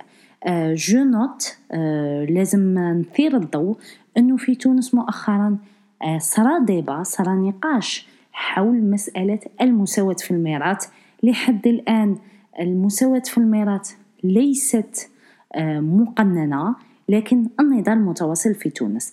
نسمعوا الرفيقة اللي قبلت الدعوة تاعنا سلمى عياري نسمعوها ونسمعوا التجربة اللي حابة تعرضها علينا. عسلامة أنا سلمى عياري donc ناشطة نسوية تونسية. فرحانة برشا أني ضيفة على راديو كلمتنا. باش نحكي على la campagne de sensibilisation اللي قمنا بها في 2019 حول الحقوق الجنسية والإنجابية في تونس. في 2000 في أول 2019 دونك قمنا بأون فورماسيون مع لو اف اف ميد Fonds pour les femmes en Méditerranée où à l'issue de cette formation كونا un réseau non formel euh, سميناه euh, le réseau tunisien des jeunes féministes وأول أكسيون كانت للريزو هذيا هي une, une campagne de sensibilisation يعني حملة تحسيسية حول الحقوق الجنسية والإنجابية وكانت اسونسيالمون سور انترنت خدمنا اكثر سور لي ريزو سوسيو باش هكاك نضمنوا أنه ال contenu نتاعنا يوصل أكثر ل les jeunes وبرشا دي, دي شابات وشباب ينجموا يشوفوه ويطلعوا عليه. خدمنا على deux volets en fait في في ال campagne هذيا. خدمنا على les moyens de contraception معناها وسائل منع الحمل وخدمنا على le droit à l'avortement حق في الإجهاض. باش نبدأ بالحق في الإجهاض اللي هو مكفول معناها حسب التشريعات التونسية منذ السبعينات معناها كل امرأة تونسية أدولت عندها الحق في في الإجهاض منذ 1973 en vertu de l'article 214 du code pénal. سوف كو على أرض الواقع لاحظنا أنه ماهيش قاعدة العملية ماهيش قاعدة تصير معناها بشكل سليم. كيفاش؟ القانون شنو يقولنا؟ القانون يقولنا أنه كل امرأة غير قاصر que ce soit متزوجة أو غير متزوجة إذا كان الجنين متاعها ما فاتش ثلاثة أشهر عندها الحق في إجهاض مجاني في كل مراكز التنظيم العائلي في ال planning familial هذا شنو يقول القانون. sauf que مش هذا اللي قاعد يصير. معناها نحنا كي هكا حاولنا معناتها sur sur terrain أنا نقوم ب les interviews مع مع شابات مع مع نساء باش أنا نسألو معناها في في مراكز التنظيم العائلي كيفاش تصير العملية. وبعد ما قمنا بالعمل هذا اكتشفنا أنه معناها الحق الحق في الإجهاض مهضوم في أكثرية الأوقات. والمشكلة الكل من معناها من من ال personnel soignant من ال personnel médical en fait مثلا القانون يقول لك أنه كل امرأة متزوجة أو غير متزوجة عندها الحق باش أنها تقوم بأنها تمارس حقها في الاجهاض sauf في الواقع نلاحظوا أنه مثلا برشا مرات ال personnel médical يقول لها لي لازم الموافقة متاع زوجك. والشيء هذا غير موجود في القانون. معناها القانون ما يقولكش لا تجيب موافقة متاع زوجك وإلا ما يهمش est-ce que الزوج في علم ولا ما في علموش. معناها هذايا معناها c'est ton corps c'est ton choix إذا كان أنت ما فتش الجنين نتاعك ما فاتش ثلاثة اشهر عندك الحق باش أنك tu avortes معناتها تقوم بعملية الإجهاض نتاعك في معناتها في أحسن الظروف بطريقة مجانية. donc لقينا المشكل الأول أنه ال personnel donc médical يجبد التعلم تاع جيب زوجك وإلا جيب صديق نتاعك واللي هي غير موجود في القانون. المشكلة الثانية هي عملية التوخير. كل مرة يقولوا لها أرجع بعد أسبوع أرجع بعد زوز أسابيع أرجع الشهر الجاي. باش هكاكا يفوتوا ال délai légal de l'avortement اللي هو ثلاثة شهور. خاطر إذا كان تفوت ثلاثة أشهر شو يقول لك القانون؟ يقول لك ممنوع عليها باش أنها تقوم بعملية الإجهاض sauf معناها إذا كان فما خطر على حياة الجنين ولا على حياة الأم وإلا على سلامة الأم العقلية والجسدية. donc شي يقوموا هما لقاو un petit truc هما اللي يخدموا في المراكز التنظيم العائلي. bien sûr ما نعممش. هذيا معناها مش موجودة في كل المراكز أما في موجودة في في مكثرية المراكز في la plupart des des centres de planning familial يوخروا لها ال rendez-vous نتاعها باش هكاك تفوت les 3 mois فما الحاجة الأخرى هي أنه ياخذوا الهوية متاعك اللي هي معناها عملية غير قانونية خاطر في القانون الهوية متاع الأم تقعد anonyme معناها أنت ما عندكش الحق باش أنك تحتفظ ب les données متاعها ما تحتفظش لا باسمها لا بحد شيء. تشوف العمر متاعها إذا كان قانوني وإلا لا وتشوف عمر الجنين وكهو هذوكم les معناتها les deux conditions. malheureusement صاروا des cas معناها terribles وين المركز التنظيم العائلي donc خبر الشرطة على على مرأة وإلا يكلموا العائلة متاعها وإلا معناها يشهروا بها واللي هي معناها عملية غير أخلاقية وعملية غير قانونية. به. شنو آخر؟ هذه فيما يخص معناها التجاوزات اللي تصير في مراكز التنظيم العائلي للبرشا نساء مالوغوزمون المشكلة متاعهم كان أنهم ما همش على اطلاع بالحقوق متاعهم. خاطر ما فما حتى ما فماش une sensibilisation ما فماش عملية تثقيفية ما فما حتى شيء. يوري النساء هذوما اللي عندهم الحق باش يمارس باش أنهم يقوموا بعملية الإجهاض في أحسن الظروف. هذه فيما يخص donc عملية الحق plutôt في الإجهاض واللي نحن خدمنا عليه برشا في فيديو خرجناها le 13 août donc journée nationale des droits des femmes في تونس. donc خرجنا الفيديو هذه sur les réseaux sociaux والحقيقة معناها لي كيفاش les avis étaient mitigés Pardon. Donc euh, les avis étaient mitigés entre ceux et celles qui, qui encourageaient l'action ou entre euh, ceux essentiellement معناها اللي اللي يقول لك هذايا مش وقته وهذايا c'est c'est une futilité وهكا ولا هكا الحق في الاجهاض مضمون et cetera et cetera donc هذا ال volet الأول اللي خدمنا به اللي خدمنا عليه في في ال campagne نتاعنا ال volet الثاني كان حول donc les moyens de contraception وسائل منع الحمل وسائل منع الحمل encore une fois اللي هي معناتها c'est un produit normalement مضمون بطريقة مجانية من الدولة ومتوفر في كل مراكز التنظيم العائلي هذه شنو يقول لك القانون إذا كان ماهوش متوفر تنجم انت تمشي معناتها تتوجه إلى الصيدليات وتقوم معناتها بشراء وسائل منع الحمل. sauf que donc في ال في 2017 2018 صارت une pénurie معناها فيما في les moyens de contraception صار نقص كبير و et parfois rupture de stock complète في وسائل منع الحمل معناها فما برشا des associations حكاو برشا منظمات من المجتمع المدني برشا ناشطات وناشطين من المجتمع المدني اللي حكاو على المشكلة هذيا علاش وسائل منع الحمل غير متوفرة وجيتنا الإجابة bien sûr مع la loi de finances نتاع 2019 اللي qui taxait le préservatif comme produit de luxe معناها اللي اعتبرت الواقي الذكري un produit de luxe معناها منتوج غير ضروري وهذاك اللي يفسر ارتفاع الكبير في سعر الواقي الذكري. وساعات انعدامه معناها que ce soit في les grandes surfaces وإلا في les pharmacies sans parler bien sûr من la pénurie de la pilule contraceptive اللي هي ما عادش موجودة في مراكز التنظيم العائلي وخاصة في مراكز التنظيم العائلي الموجودة في الجهات الداخلية. يعني نلاحظوا إنه en fait y a pas le même traitement ما بينات المراكز الموجودة في العاصمة ومراكز التنظيم العائلي الموجودة في الجهات وإلا في المدن الصغيرة. donc donc le deuxième volet اللي خدمنا عليه كان حول حول la contraception اللي هي معناها حاجة مهمه جدا واللي هي معناتها من حق كل تونسية ومن حق كل تونسي باش أنه يتمتع بوسائل منع الحمل بطريقة مجانية في مراكز التنظيم العائلي خاطر هذا شنو يقص ينص عليه القانون وإذا كان ملقاش في مراكز التنظيم العائلي ينجم يشريها معناها بسوم معقول من les grandes surfaces وإلا من الصيدليات donc كانت ال campagne نتاعنا حول les deux volets هذوما حول. وصارت معناتها ال médiatisation لل campagne نتاعنا ووصلت لبرشا معناتها برشا شابات وبرشا شباب وال...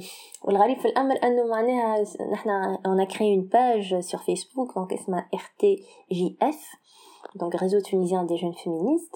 وين on a posté les vidéos on a posté معناها الحاجات اللي عملناهم الكل que ce soit les interviews les articles الخدمة اللي خدمناها الكل dans le cadre de la campagne. معناها وال- donc الحاجة الغريبة والحاجة المؤسفة malheureusement أنه برشا برشا نساء بعثوا لنا des messages على ال donc آه، على ال messagerie نتاع la page. في بالهم لي نحنا نقوموا مثلا بال- بال avortement لأن نوفروا عملية l'avortement وإلا اللي نحنا نبيعوا في les moyens de contraception. معناها ومعناتها وصلونا حالات و des معناها des histoires بالحق يأسفوا برشا نتاع نتاع نساء ماهمش واعيات بأبسط الحقوق نتاعهم. فما نساء توا في تونس في 2020 ما في بالهمش اللي عندهم الحق في الإجهاض واللي الحق هذايا مكفول بطريقة مجانية ومن غير حتى condition من غير حتى آه، شرط. هو أنا الحقيقة نلوم في هذا الكل نلوم على على الدولة متاعنا اللي ماهيش قاعدة تقوم معناها بال- بالواجب متاعها كما ينبغي. نلوم زيادة على المدارس نلوم على ال système éducatif متاعنا على حتى على معناتها certaines associations اللي ماهيش تعطي في ماهيش تعطي في importance كبيرة لل- للحقوق الجنسية والإنجابية.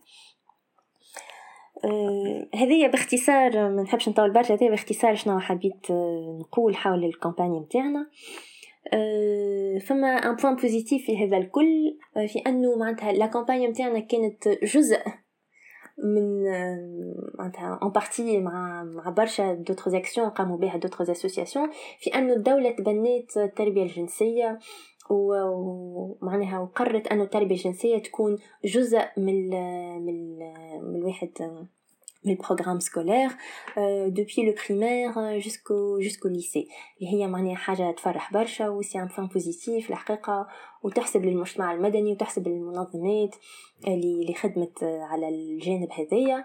و donc on espère نحنا en tant que en tant que femmes en tant qu'activistes en tant que féministes باش انه المعلومه توصل أكثر للنساء التونسيات. في معناتها والوعي متاعهم يكون يكون أكبر بحقوقهم الخاطر الترسانة القانونية التونسية معناها معناتها elle est très riche عندنا فما assez de droits اللي نجمو نفتخروا بهم bien sûr نحنا on a jamais assez de droits mais نجمو نقولوا أنه توا فما فما مجموعة من الحقوق اللي نفتخروا بهم. malheureusement sur terrain ماهمش ديما أم، ماهمش ديما معناتها محترمين القانون هذوما mais on espère انه avec l'introduction de l'éducation sexuelle في ال système scolaire باش انه الأمور تتحسن نحو الافضل et merci beaucoup Merci Radio Kelmetna et merci euh, donc à toutes les auditrices et à tous les auditeurs.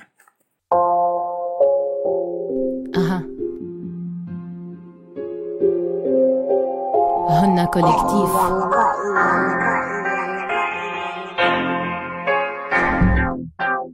أنا بنية تونسية شدة وحدي ثمية بسترة العلي عليا عندي واللي فيك واللي فيا. نكتب في دستوري نهبط فانستا ستوري شوف تصوري من اموري ونبر للصبح عليا. لأنني أنثى في بلاد عربية. يا نقبل قمعك والسلطة يا تدفنوني وأنا حية؟ قال شنية عملنا ثورة ثورة ذكورية. حتى الوقت شناوي بابا باش تقعد تقمع فيا. وماني سكتراني هاك جيتو تسمع فيا. أنا اللي حكرتوني باسم العنصرية أنا اللي سكتوني على خاطرني بنية جيت اليوم نسمعكم وسخ وذنيكم وشوية capitalisme برجعية في ذا المنظومة أبوية. أحكامك خليها عندك والمزايدة علنية. وهذا في عقولكم مازال شوية عليا. من نكون في نظركم جوكر السبعة الحية. yo هن جايات باش يحكيو حكايات Fly Girls هن بدات هنا تحلو الحياة. يلا. we Fly Girls من تونس الغالي هلا اليوم جينا. we Fly Girls من تونس الغالي هلا اليوم جينا we Fly Girls من تونس الغالي هلا اليوم جينا we Fly Girls من تونس الغالي هلا اليوم جينا we Fly Girls من تونس الغالي هلا اليوم جينا we Fly Girls من تونس الغالي هلا اليوم جينا أنا مرة تونسية رمز العزة والحرية. بلادي تونس هي أمي ومهما صرت عز عليا.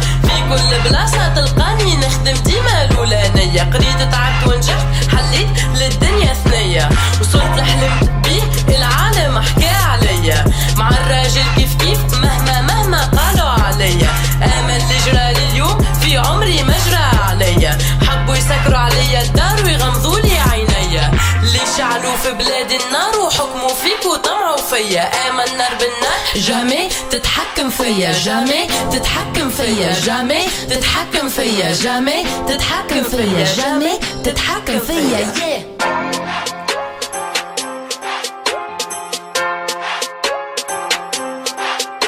مش عورة مش عورة. صوتي صوت الثورة. مش عورة مش عورة. صوتي صوت الثورة. حكيت ما شكيت فيش كده عبيد توا جاي الوقت باش لهنا تخرج هيت ما حسيت بصحيت من الدنيا تربيت في مجتمعنا هذا. عشنا لا قشيت عشنا لا يكون نصيبة وركيكة وبرشا يكرهونا. في الكوجينا يحبونا. في الدار يكزونا. هكاك يعتبرونا. جينا باش نحكو. جينا باش نقولو. قصتنا فكينا يتمشي على طولو. وي دون نيد لا ريكونيسونس راب فلاي جيرلز في سا نيسونس لا ميزوجيني ديما بريزونت في لي ريزو سوسيو تقول تخلص في لي كونت لا ميزوجيني ديما بريزونت في لي ريزو سوسيو تخلص في لي كونت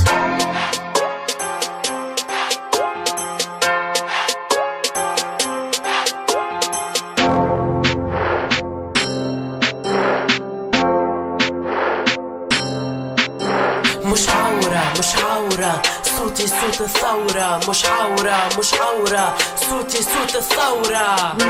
Fly Girls من تونس الغالي هنا اليوم جينا we Fly Girls من تونس الغالي هنا اليوم جينا في مخي عاملة ال combat mon attitude كي soldat باش ننقص les dégâts في هذه الحفرة الكلبة. la rage سكنة فينا. ونداوي بكلمة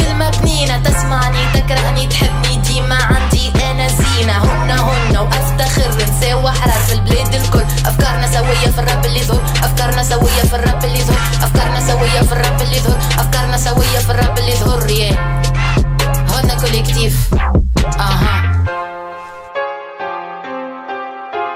merci beaucoup سلمى عياري يعطيك الصحة. شكرا جزيلا سلمى عياري. من تونس رفيقة من تونس. وكما قلت أنه تونس هي من الدول جد متطورة في كامل المنطقة ليس فقط في شمال إفريقيا حتى في ال MENA region Middle East و North Africa آه، الشرق الأوسط وشمال إفريقيا في مسألة حقوق النساء.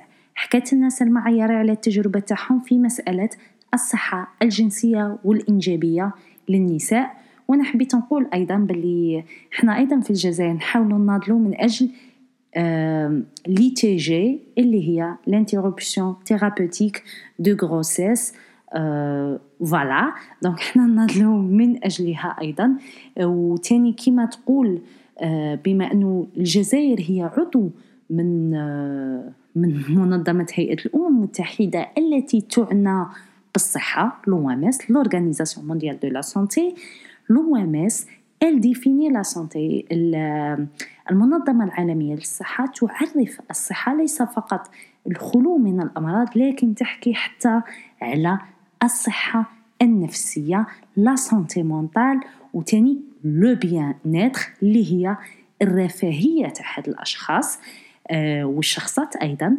آه تاني آه الشخصات اللي ما يتمناوش إنه يكونوا ولا ما عندهمش القدرة النفسية إنهم يتحملوا une grossesse حمل من حقهم نظنوا إنه آه، من حقهم إنهم آه، يقوموا بالإجهاض.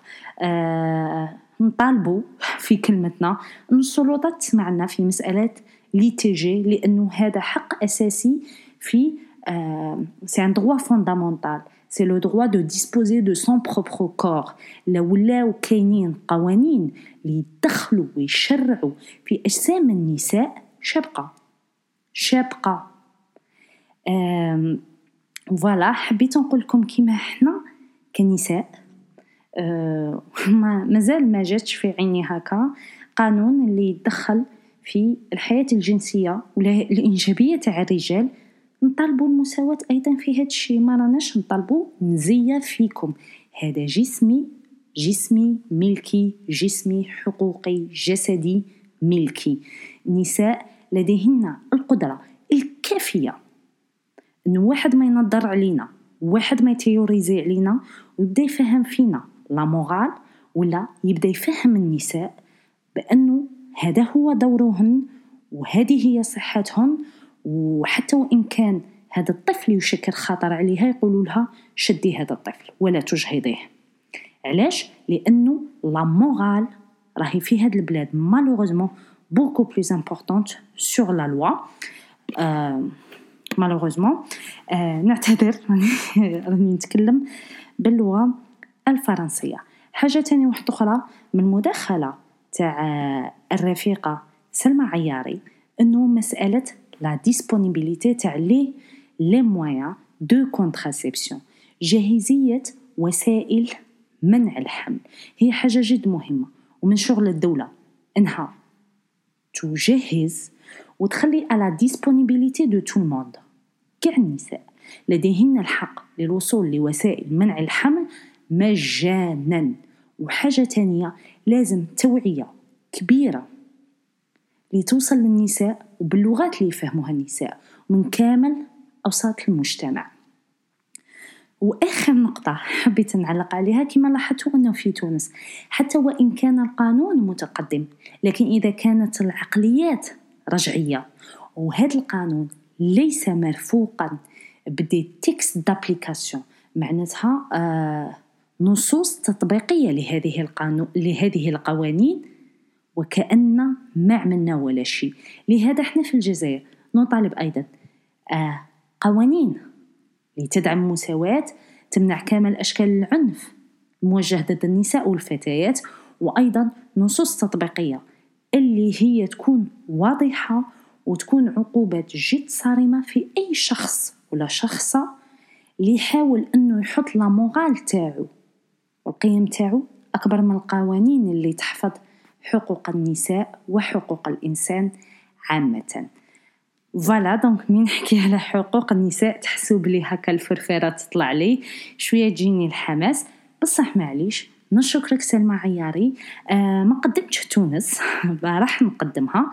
نذكر إنه سلمى عياري هي من تونس وتونس كانت من البلدان اللي كان ليها تأثير كبير في المنطقة. ليس فقط في مسألة حقوق النساء لكن إذا تتذكروا في 17 ديسمبر 2010 واحد لو جون اللي سموه محمد بوعزيزي ربي يرحمه اللي كان تاجر خضروات وفواكه أضرم في الجسم تاعه النار بمدينة سيدي بوزيد وسط تونس وذلك احتجاجا على المصادرة تاع البضائع تاعه. كان الجو في هذاك الوقت جد متوتر للغاية. تشكلت حركة احتجاجية كبيرة على الرغم من القمع اللي كان مستخدم في ديك الفترة حتى أنه كانوا شهادات اللي وثقوا أنه كانت في استخدام للذخيرة الحية اللي هي ضرب الناس اللي يحتجوا بالرصاص النظام ضرب الشعب بالرصاص وتاني رد عليهم بقمع شرس واتهامات. كما نعرفوا كاع الدول تاع المنطقة وكاع الرؤساء تاع المنطقة مي يشوفوا الأمور بدات تهرب لهم تخرج لهم على التحكم تاعهم. يبدو يتهموا الايادي الخارجية الإرهاب هذه قضية سوف تستغل من أعداء البلد. كامل هادشي. هادشي ما خلاش عزيمة المتظاهرين تنقص. انضم لهذه الاحتجاجات. المركز النقابي للاتحاد العام التونسي للشغل والمراكز الحضرية الكبيرة. المحامين والمحاميات الصحفيين والصحفيات الفنانين والفنانات المناضلين والمناضلات الحقوقيين والحقوقيات وتزعزعت السلطة ودفعتها إلى تنازلات متتالية على عجل. من بينها رفع الرقابة على الإنترنت حرية الصحافة إقالة الوزراء بما فيهم صاحب وزارة الداخلية اللي كان ذاك الوقت قوي جدا كان باباهم والالتزام بعدم الترشح للدورة المقبلة. وأخيرا إقالة الحكومة بأكملها والإعلان عن انتخابات تشريعية مبكرة. كامل هذه التنازلات المتتالية لم تكن كافية للشارع التونسي. باش يولي هادئ. فقط طالبوا مباشرة برحيل الرئيس. قالوا لهم dégage يعني dégage كلون يعني كلون كما يقولوا الإخوة تاع المشرق في 14 يناير. تم إعلان حالة طوارئ يغادر بن علي في حالة من الارتباك ويلجأ إلى المملكة العربية السعودية. وقعت اشتباكات مسلحة وقعوا فيها ضحايا بين قوات الموالية للرئيس المعزول والجيش وتاني الناس اللي كانت ضدهم.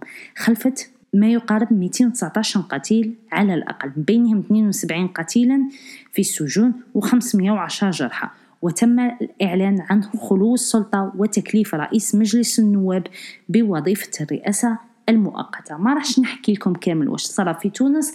موراها داروا مجلس تأسيسي اللي حاول يحاول ي assurer هذيك la transition اشتغلوا على هذيك la transition كان مسار شوية طويل. اللي كان فيه نقاشات صدام تاع أفكار احتجاجات شارع في غليان. كان كتير أشياء. الشعب التونسي رفع هذا التحدي ونجح فيه إلى درجة أنه حصل الحوار الوطني التونسي آه، وهو رباعي. c'est une coalition اللي فيها نقابة العمال وأرباب العمل الرابطة التونسية لحقوق الإنسان هادو حصلوا هذه المجموعة حصلت على جائزة نوبل للسلام وذلك لمساهمتهم في التحول الديمقراطي في تونس. ما غاديش نطول عليكم بزاف نشكرك سلمى نتمنى أنك تعودي ترجعي معنا وأيضا كل مرة نشكركن جزيلا لأنه هذه تاني حلقة نقدروا نقولوا خرجنا l'international. وما قدرناش نخرجوا l'international بدون مداخلاتكم وبغيت نقولكم إنه كلمتنا ليست فقط فريدة ليست ليلى ليست ليليا ليست وئام ليست نريمان كلمتنا هي خليط.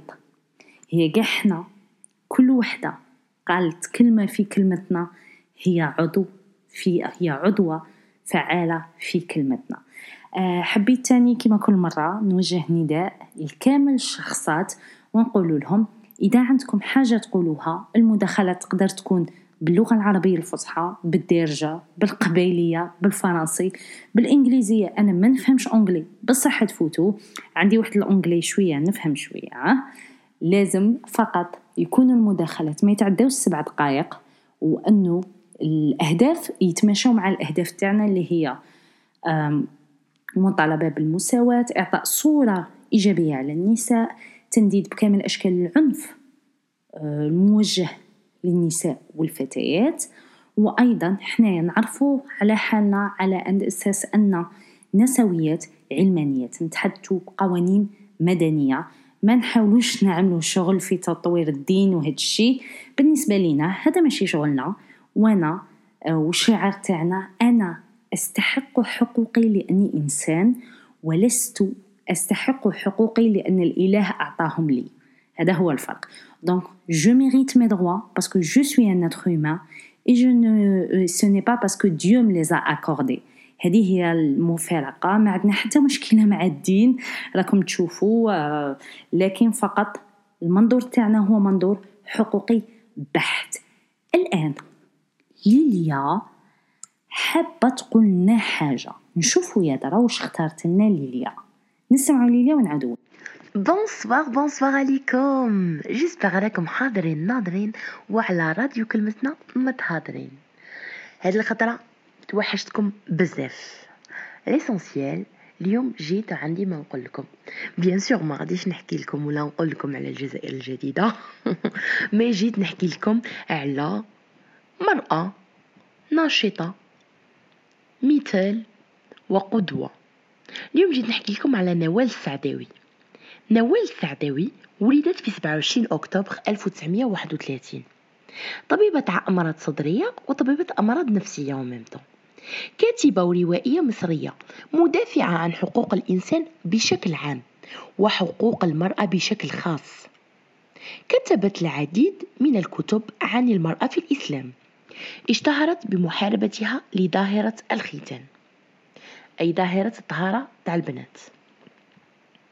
أسست جمعية تضامن المرأة العربية عام 1982 كما ساعدت في تأسيس المؤسسة العربية لحقوق الإنسان. استطاعت نوال أن تنال ثلاث درجات فخرية من ثلاث قارات. ففي عام 2004 حصلت على جائزة الشمال والجنوب من مجلس أوروبا. وفي عام 2005 فازت بجائزة إنانا الدولية من بلجيكا. وفي عام 2012 فازت بجائزة شون ماك برايد للسلام من المكتب الدولي للسلام في سويسرا. شغلت هذه الأخيرة العديد من المناصب مثل منصب المدير العام لإدارة التثقيف الصحي في وزارة الصحة بالقاهرة والأمين العام لنقابة الأطباء بالقاهرة أيضا غير عملها كطبيبة في المستشفى الجامعي. كما نالت عضوية المجلس الأعلى للفنون والعلوم الاجتماعية بالقاهرة وأسست جمعية التربية الصحية وجمعية للكاتبات المصريات وعملت كفترة كرئيسة تحرير مجلة الصحة بالقاهرة ومحررة في مجلة الجمعية الطبية. تعتبر نوال السعداوي من الشخصيات المثيرة للجدل والناقدة للحكومة المصرية. ففي عام 1981 ساهمت في تأسيس مجلة نسوية تسمى المواجهة. حكم عليها بالسجن في السادس من سبتمبر 1981 في عهد الرئيس محمد أنور السادات. وأطلق سراحها في نفس العام بعد شهر واحد من اغتيال الرئيس. ومن أشهر أقوالها لقد أصبح الخطر جزء من حياتي. منذ أن رفعت القلم وكتبت لا يوجد ما هو أخطر من الحقيقة في عالم مملوء بالكذب. سجنت نوال في سجن النساء بالقناطر. وعند خروجها قامت بكتابة كتاباتها الشهيرة مذكرات في سجن النساء في عام 1983 ولم تكن تلك هي التجربة الوحيدة لها مع السجن أو المساجين.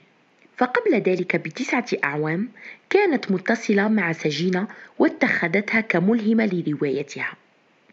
امرأة عند نقطة الصفر في عام 1975 كما رفضت محكمة القضاء الإداري بمجلس الدولة في مصر في 12 مايو 2008 إسقاط الجنسية المصرية عن المفكرة المصرية نوال السعداوي في دعوى رفعها ضدها أحد المحامين بسبب آرائها. بدأت نوال الكاتبة مبكرا فكانت أول أعمالها عبارة عن قصص قصيرة بعنوان تعلمت الحب في عام 1957 وأول رواياتها مذكرات طبيبة في سنة 1958 ويعتبر كتاب مذكرات في سجن النساء لسنة 1986 من أشهر أعمالها. صدر لها أربعون كتابا. أعيد نشرها وترجمة كتاباتها لأكثر من عشرين لغة. وتدور الفكرة الأساسية للكتابات. تاع نوال السعداوي حول الربط بين تحرير المرأة والإنسان من ناحية وتحرير الوطن من ناحية أخرى في نواحي ثقافية واجتماعية وسياسية. ففي عام 1972 نشرت أول أعمالها غير القصصية بعنوان المرأة والجنس مثيرة بذلك عداء كل من السلطات السياسية والدينية. هذا الكتاب كان من أسباب فصلها من وزارة الصحة ومن أعمالها أيضا. الوجه العاري للمرأة العربية وهو تحليل كلاسيكي عن اضطهاد المرأة في العالم العربي. من بين صفحاته وصف لختان السعداوي وهي في سن السادسة. العملية التي تمت على أرض حمام العائلة بينما تنظر أمها وتبتسم وتضحك. حكيت لكم على حياة نوال ودروك غادي نقرأ لكم بعض من إبداعاتها. كسر الحدود من صفحة 53 لغاية الصفحة 55 كسر الحدود. منذ ولدت وأنا أسمع الناس من حولي يقولون لا تتجاوزي الحدود. أصبح بيني وبين كلمة الحدود عداء. فما هي هذه الحدود ومن يضعها؟ سؤال كان يراودني دائما في طفولتي وما زال حتى اليوم يراودني كلما قال لي أحد لا تتجاوز الحدود. أردت مرة أن أكتب قصيدة شعر وأنا طفلة لكن جدي والد أمي رمقني بنظرة ساخرة. كأنما الأطفال بلا عقول وليس في قدرتهم كتابة الشعر. رغم أن الإبداع شعر كان أو موسيقى أو رسما أو ادبا أو أي نوع آخر من الإبداع يبدأ في الطفولة. لكن الناس يضعون الحدود لما يفعله الطفل أو الطفلة. لهذا كرهت كلمة الحدود في طفولتي وتولدت في أعماق العميقة رغبة ملحة لتجاوز هذه الحدود وهي رغبة طبيعية في كل طفل وطفلة. لكن الناس تصوروها كأنما هي رغبة تغيير في الطبيعة. من أجل أن تظل الطفل أو الطفل طبيعيا يحظى برضا الآخرين واقتناعهم بطبيعته. فإنه يلزم هذه الحدود التي يضعها الآخرون أمامه وبالتالي يفقد الإبداع. أنا والآخرون أو أنا والآخر. مشكلة تواجه الإنسان المبدع منذ الطفولة. وكل إنسان يولد مبدعا يواجه كل إنسان هذه المشكلة. علاقته بالعالم الخارجي. حتى هذه اللحظة أنا أواجه هذه المشكلة. إن العالم من حولي يموج بالصراعات. كالغابة يأكل الكبير الصغير ومن يملك السلاح النووي تكون له المكانة والكلمة العليا. من يملك المال والمنصب أو السلطة تكون له الغلبة على من يملك المطف والرقة والإنسانية. العالم الخارجي يغضبني وكلما وعيت هذا الأخير ووعيت قيمه وقوانينه زاد غضبي. فالإنسان الطبيعي يغضب حين يرى الظلم لكن هذا الغضب الطبيعي أصبح كأنما هو غير طبيعي كأنما الظلم هو الطبيعي وعلينا أن نتقبله بسرور ورضا أو على الأقل الصمت وعدم الاحتجاج. لكن الصمت موت والاحتجاج على الظلم أولى الخطوات نحو الإبداع. الطفل الذي يرى أمامه الخادمة الصغيرة في مثل عمره تكوى بالنار أو تضرب بالكراباج بيد أبيه أو أمه لأنها كسرت كوبا. ويظل صامتا راضيا لا يتألم ولا يتحجج تموت فيه بذرة الإبداع. ويتعود على أن يرى الظلم ويسكت بل وليشارك فيه. الإبداع هو الجمال والعدل هو الجمال في قمة مظاهره الإنسانية والاجتماعية. الإبداع كالبذرة في الأرض تحتاج إلى الري والماء. هذا الماء هو حب العدل أي حب الجمال والحرية. لا يوجد جمال بغير عدل أو حرية. مبدأ إنساني أولي. الحرية كلمة إنسانية جميلة تغنى بها الشعراء والمبدعين والفنانون. الحرية هي نقيض القيود أو الحدود. كل إنسان يولد حرا وكل إنسانة تولد حرة. هذه حقيقة طبيعية. لكن حقيقة أخرى طبيعية هي أن الإنسان يعيش داخل مجتمع فيه آخرون وكل فرد من هؤلاء الآخرين له الحرية نفسها التي أريدها لنفسي. أنا والآخر نستحق الحرية والعدل والجمال. فلماذا أعتدي على حرية الآخرين ولماذا يعتدي الآخرون على حريتي؟ هل الاعتداء على حرية الآخرين وحقوقهم الإنسانية جزء من الطبيعة البشرية؟ هل الظلم طبيعة الإنسان أم نظام اجتماعي؟ سؤال تاريخي قديم يراود كل إنسان مبدع أو كل إنسانة مبدعة لا يمكن الإجابة على هذا السؤال دون قراءة التاريخ البشري ومحاولة الوصول إلى الجذور الأولى التي نشأ منها الظلم أو العبودية. لكن قراءة التاريخ وإعادة قراءة التاريخ تحتاج إلى إبداع أو إحساس جديد يلتقط الحقائق ويتجاوز حدود التاريخ الرسمي المحدود.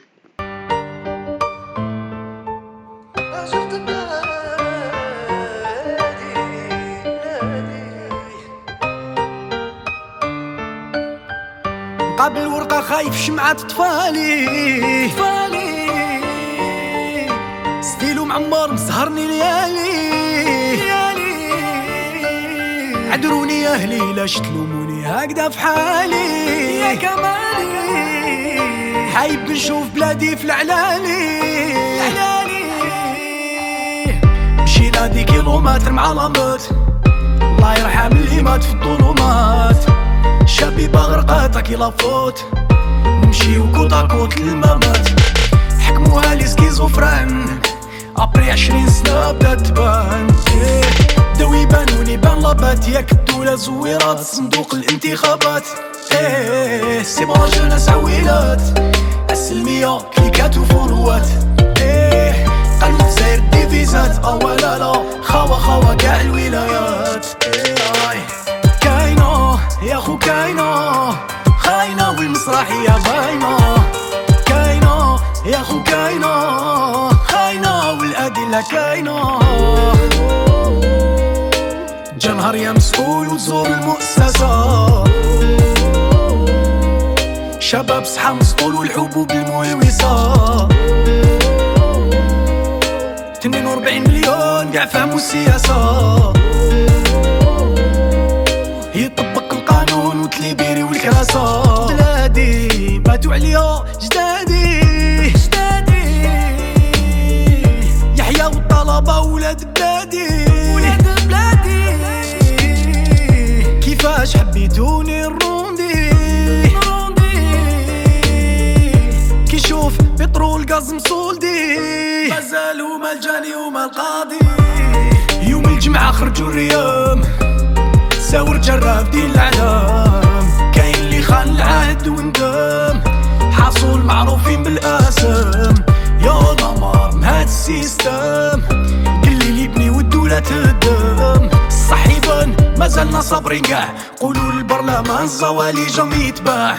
مجلس الدستوري خان المجتمع. دقوا المادة سبعة بيستوري رانا نشوفو قاع إيه واليوم الشعب يريد.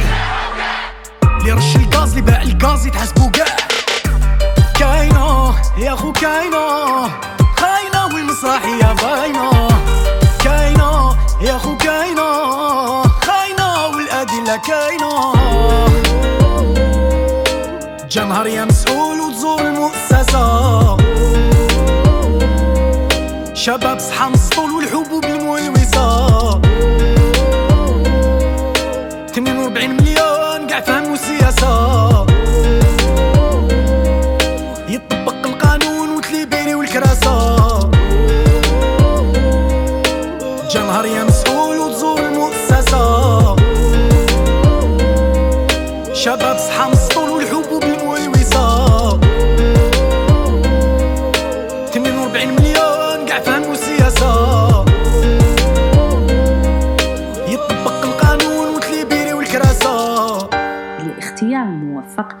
نوال السعداوي. هي من شمال إفريقيا أول شيء تاني شيء هي نسوية ومن القامات الكبيرة الكبيرة جدا في النضالات النسوية تاع شمال إفريقيا.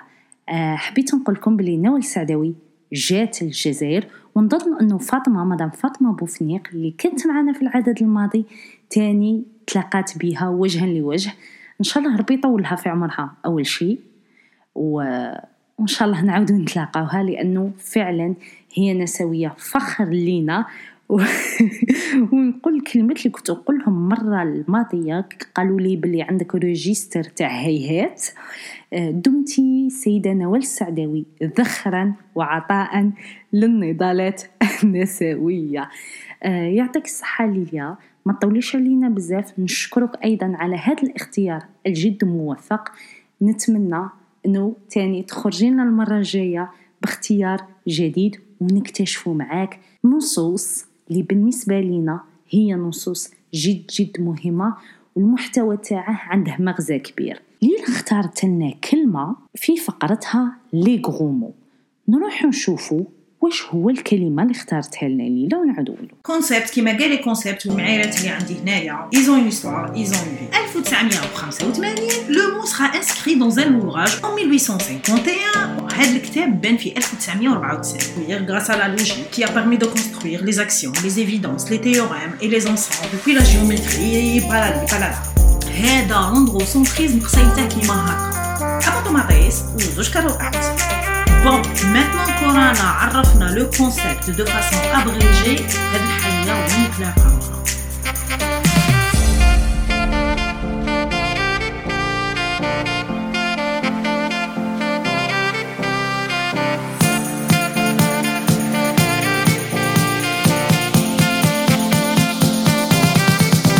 علاه انا ماشي مرأة؟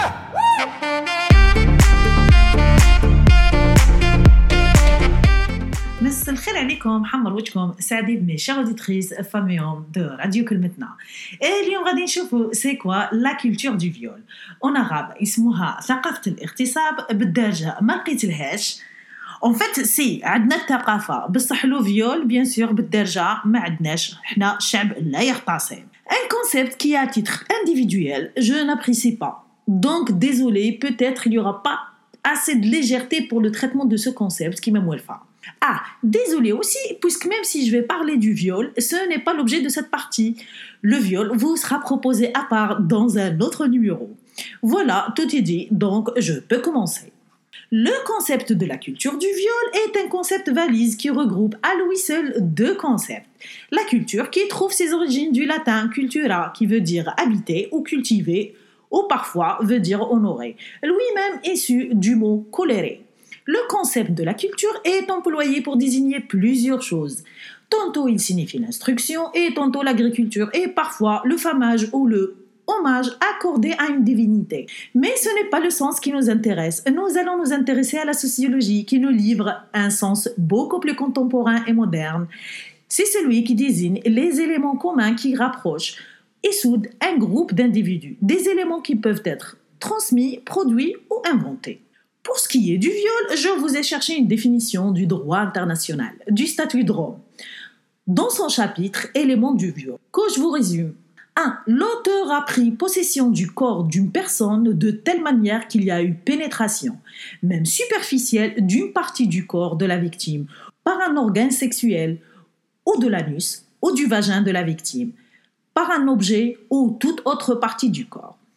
2. L'acte a été commis par la force ou en usant à l'encontre de la dite ou des dites ou de tierces personnes de la menace, de la force ou de la coercition, telle que celle causée par la menace de violence, contrainte, détention, possession psychologique, abus de pouvoir, ou bien à la faveur d'un environnement coercitif, ou encore en profitant de l'incapacité de la dite personne de donner son libre consentement.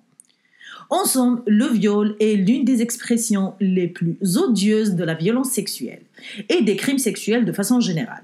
Et quand vous vous en doutez, l'Algérie est très en retard en termes d'actualisation de son lexique juridique. Bref, inutile de vous dire que la pratique du viol et de la culture sont très vieilles, au mieux depuis l'instauration du patriarcat et au pire depuis l'aube de l'humanité. Mais كانش كلمة تزايد على اختها كي le viol كي la culture قدم بزاف mais d'où nous vient le concept de la culture du viol? L'expression de la culture du viol est une traduction littérale de l'expression anglaise rape culture, introduite par des féministes fi les premières traces du concept sont inscrites dans un livre intitulé Rape, The First Source Book for Women, publié aux États-Unis par le groupe des New York Radical Féministes que nous avons déjà cité dans le précédent numéro sur la sororité. Le livre a été écrit par deux féministes radicales, Noreen Connell et Cassandra Wilson, dans lequel elles réunissent des écrits subjectifs de victimes de viol et met l'accent sur le caractère toléré et assimilé de la violence sexuelle dans la société. في 1975 un documentaire américain intitulé Rape Culture, produit par Cambridge Documentary Films, réalisé par Margaret Lazarus وهذا السيد اللي غادي نحكيه اللي غادي نسميه لكم دروك راني سميته لكم غير كيما هكا يسموه روني وندرليخ يسمح لنا الله يعفو علينا برك هذا روني مانيش عارفين popularise le terme et ce à travers des voix des hommes et des femmes y compris des violeurs et des victimes de violences des prisonniers et des agents de la lutte contre le viol et les médias mais c'est quoi finalement Hadi la culture du viol Telle que définie par la théorie féministe, la culture du viol est la manière dont le viol est perçu et représenté dans l'imaginaire collectif, dans une société donnée et à une époque donnée. C'est un concept qui établit que la représentation du viol dans une société dépend d'un ensemble de croyances et d'attitudes. La littérature existante à ce sujet montre que la culture du viol découle du mythe qui fausse la réalité du viol, telle qu'elle est perçue par les chiffres, voire même par les victimes, et témoigne au passage de la persistance des stéréotypes liés au genre. في 2014 un groupe de chercheurs composé de Sarah Edward R ou Catherine Bradshaw واحد السيدة معاهم دوك نقراها لكم Verlin Hines ce groupe demande à des individus s'ils ont déjà commis des viols leur réponse était bien sûr non pourtant ils ont changé la question et la question est devenue avez-vous forcé une personne à avoir des relations sexuelles la proportion du nom précédemment obtenu pour la première question a significativement changé c'est hallucinant n'est-ce pas Bon, résumé, la conclusion de cette étude nous affirme qu'on peut entretenir une culture du viol sans forcément être, premièrement, un violeur soi-même, ou là, de soutenir le viol de manière publique. Donc, la culture du viol découle de la croyance et des attitudes profondément ancrées dans nos sociétés, souvent relayées de manière inconsciente par les médias et par l'ensemble des coutumes autour de nous. Elle suppose que les individus entretiennent un certain nombre d'idées reçues concernant la notion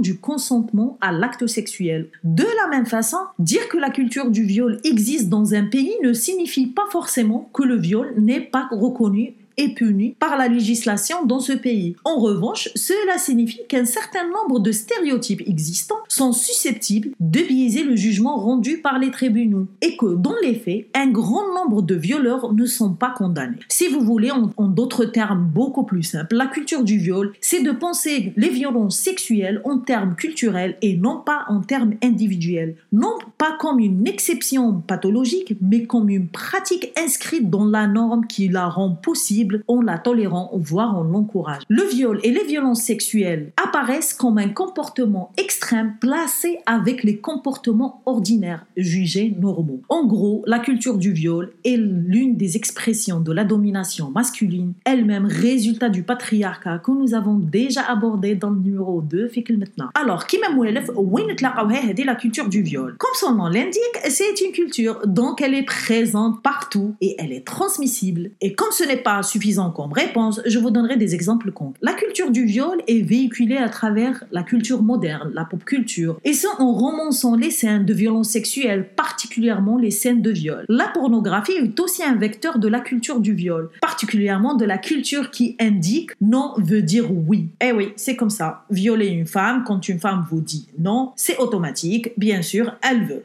Ainsi, la pornographie instaure une autre réalité de ce que c'est que le consentement en créant une catégorie déjà young, ça veut dire jeune, hein, pour évoquer des lycéennes ou là pour parler du viol ou là de la pédopornographie. La publicité et les affiches publicitaires sont aussi un vecteur de la culture du viol. Il y a des années, pour vendre un parfum, de Dolce Gabbana, l'agent de communication a préféré mettre en scène une femme par terre entourée de quatre mecs virils en train de la reluire, suggérant une disponibilité sexuelle. Une autre marque aussi pour vendre un manteau en, en motif léopard. La boîte de communication a préféré dénuder la femme وخلاوها لابسه غير هذاك المونطو بلا ما نقول لكم باللي حطوا عليها سبع رجال autour d'elle mais la particularité que كل واحد كان حاط يده على une partie de son corps.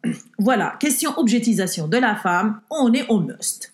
le mythe de la Vierge et du viol de la Vierge, voire la pédophilie, est largement mis en scène dans des scénarios de manga japonais et les différentes productions de l'Asie de l'Est. Je vous parle de ça puisque moi-même je suis une grande consommatrice de manga. hein. Défendre la prostitution est aussi une façon de maintenir la culture du viol. Et oui, révisez un peu vos cours et révisez un peu ce que c'est qu'une exploitation sexuelle au profit de la culture du viol. Le religieux qui culpabilise les victimes au lieu de l'agresseur, un discours relayé par l'ensemble de la société, y compris les femmes, sous l'emprise de l'aliénation. L'aliénation déjà qu'on a il y a des années, avec des collègues femmes, nous avons décidé de mater une série le week-end pour changer un peu le climat. Voilà, je regardais la série avec mes collègues. Mon souci est que sur un nombre total de 12 épisodes, 6 concernaient la violence. Alors, je vous raconte entre kidnapping, menaces, privation, séquestration, viol conjugal, j'ai été servi. C'est au septième épisode que la romance a commencé réellement. Bien sûr, هذه إلا نجم نسميها كاع une ro- euh, une romance. À la fin de la série, j'ai posé une question. Mais لو كان وحده فينا عاشت هاد l'histoire كيما هكا عاشتها exactement كيما راهي في le scénario. Alors, toutes mes copines et mes collègues ont répondu Ah, moi, mais des béats. En fait, elles étaient enthousiastes. Donc j'ai commencé à expliquer les violences dans lesquelles l'actrice principale subissait Fihadik la série. Alors mes collègues commençaient à changer d'avis et elles ont reconnu que c'était l'enfer final. Pourtant, il y avait une violence que j'avais du mal à expliquer et à faire reconnaître. C'était le viol conjugal. J'ai beau essayer, mais ce n'était pas possible. Si j'aborde le sujet, comme c'est pour vous dire que la culture du viol persiste aussi chez nous. Elle s'invite même dans la représentation de ce que nous appelons le rapport intime dans le couple, que nous nous arrivons pas à qualifier de viol et à faire reconnaître comme un crime. Pour finir, je dois juste présenter aussi mes excuses puisque la culture du viol est aussi un sujet étroitement lié au viol et aussi un sujet étroitement lié dans la psychologie Une discipline اللي كيما على بالكم انا كاع ما نبغيهاش puisque دير لي لا ميغرين في المخ. Je sais aussi que c'est un sujet complexe donc j'ai pris كيما موالف des raccourcis pour vous expliquer la chose. ايا انا نقول لكم حمر وجهكم وتربحوا.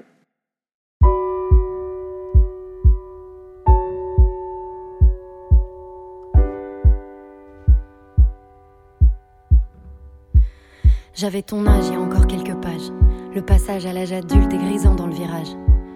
Devenir une femme, y a pas de stage, pas de rattrapage. Je sais que tu l'as pas décidé, mais tu le portes cet héritage, alors apprends à faire avec. Rien n'est acquis, vraiment. Mais n'oublie pas d'être une femme avant d'être une maman. Pense à ton arrière-grand-mère qui pouvait pas décider, même pas divorcer, à peine respirer. Fais pas l'enfant gâté, rien n'est jamais gagné. Écoute, j'ai pris quelques notes.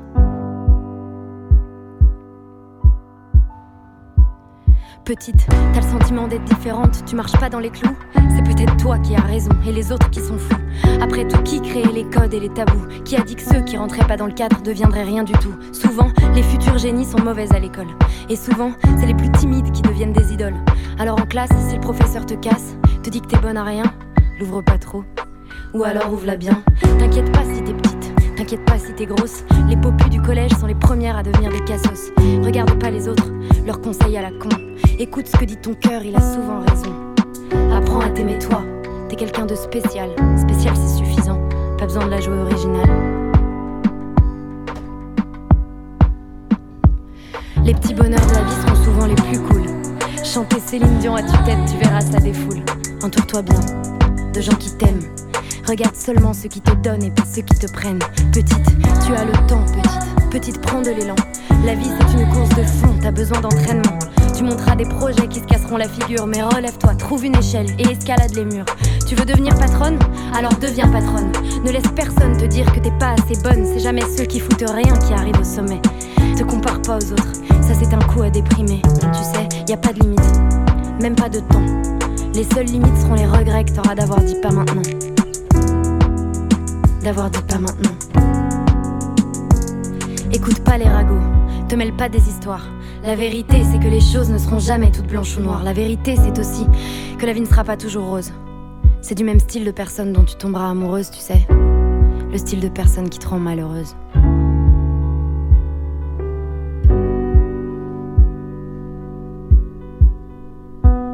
S'il te fout une claque, faudra que tu te fasses la malle. S'il te touche alors que tu veux pas, faudra pas que tu trouves ça normal. L'amour et la violence ne font pas bon ménage. Surtout laisse rien passer pour ne pas tomber dans l'engrenage. Y a pas d'exception, pas d'excuse, c'est que du mytho. Une fois, deux fois, trois fois, n'attends pas celle de trop. N'aie pas peur d'en parler, n'aie pas peur de le dire. Fais-moi confiance, c'est en parlant qu'on commence à guérir. Et y a pas que les gestes qui feront des dégâts. Les mots seront comme des balles qui resteront bloquées en toi. Laisse personne croire que c'est ta faute, que t'as mérité la violence. Stop l'influence, quelle qu'elle soit, des gens toxiques qui évolueront près de toi. Tu es trop forte, tu es trop belle, trop importante. Tu es trop forte, tu es trop belle, trop importante. Alors. Je n'ai plus honte, il faut que tu saches assez de toutes les plaies que l'on cache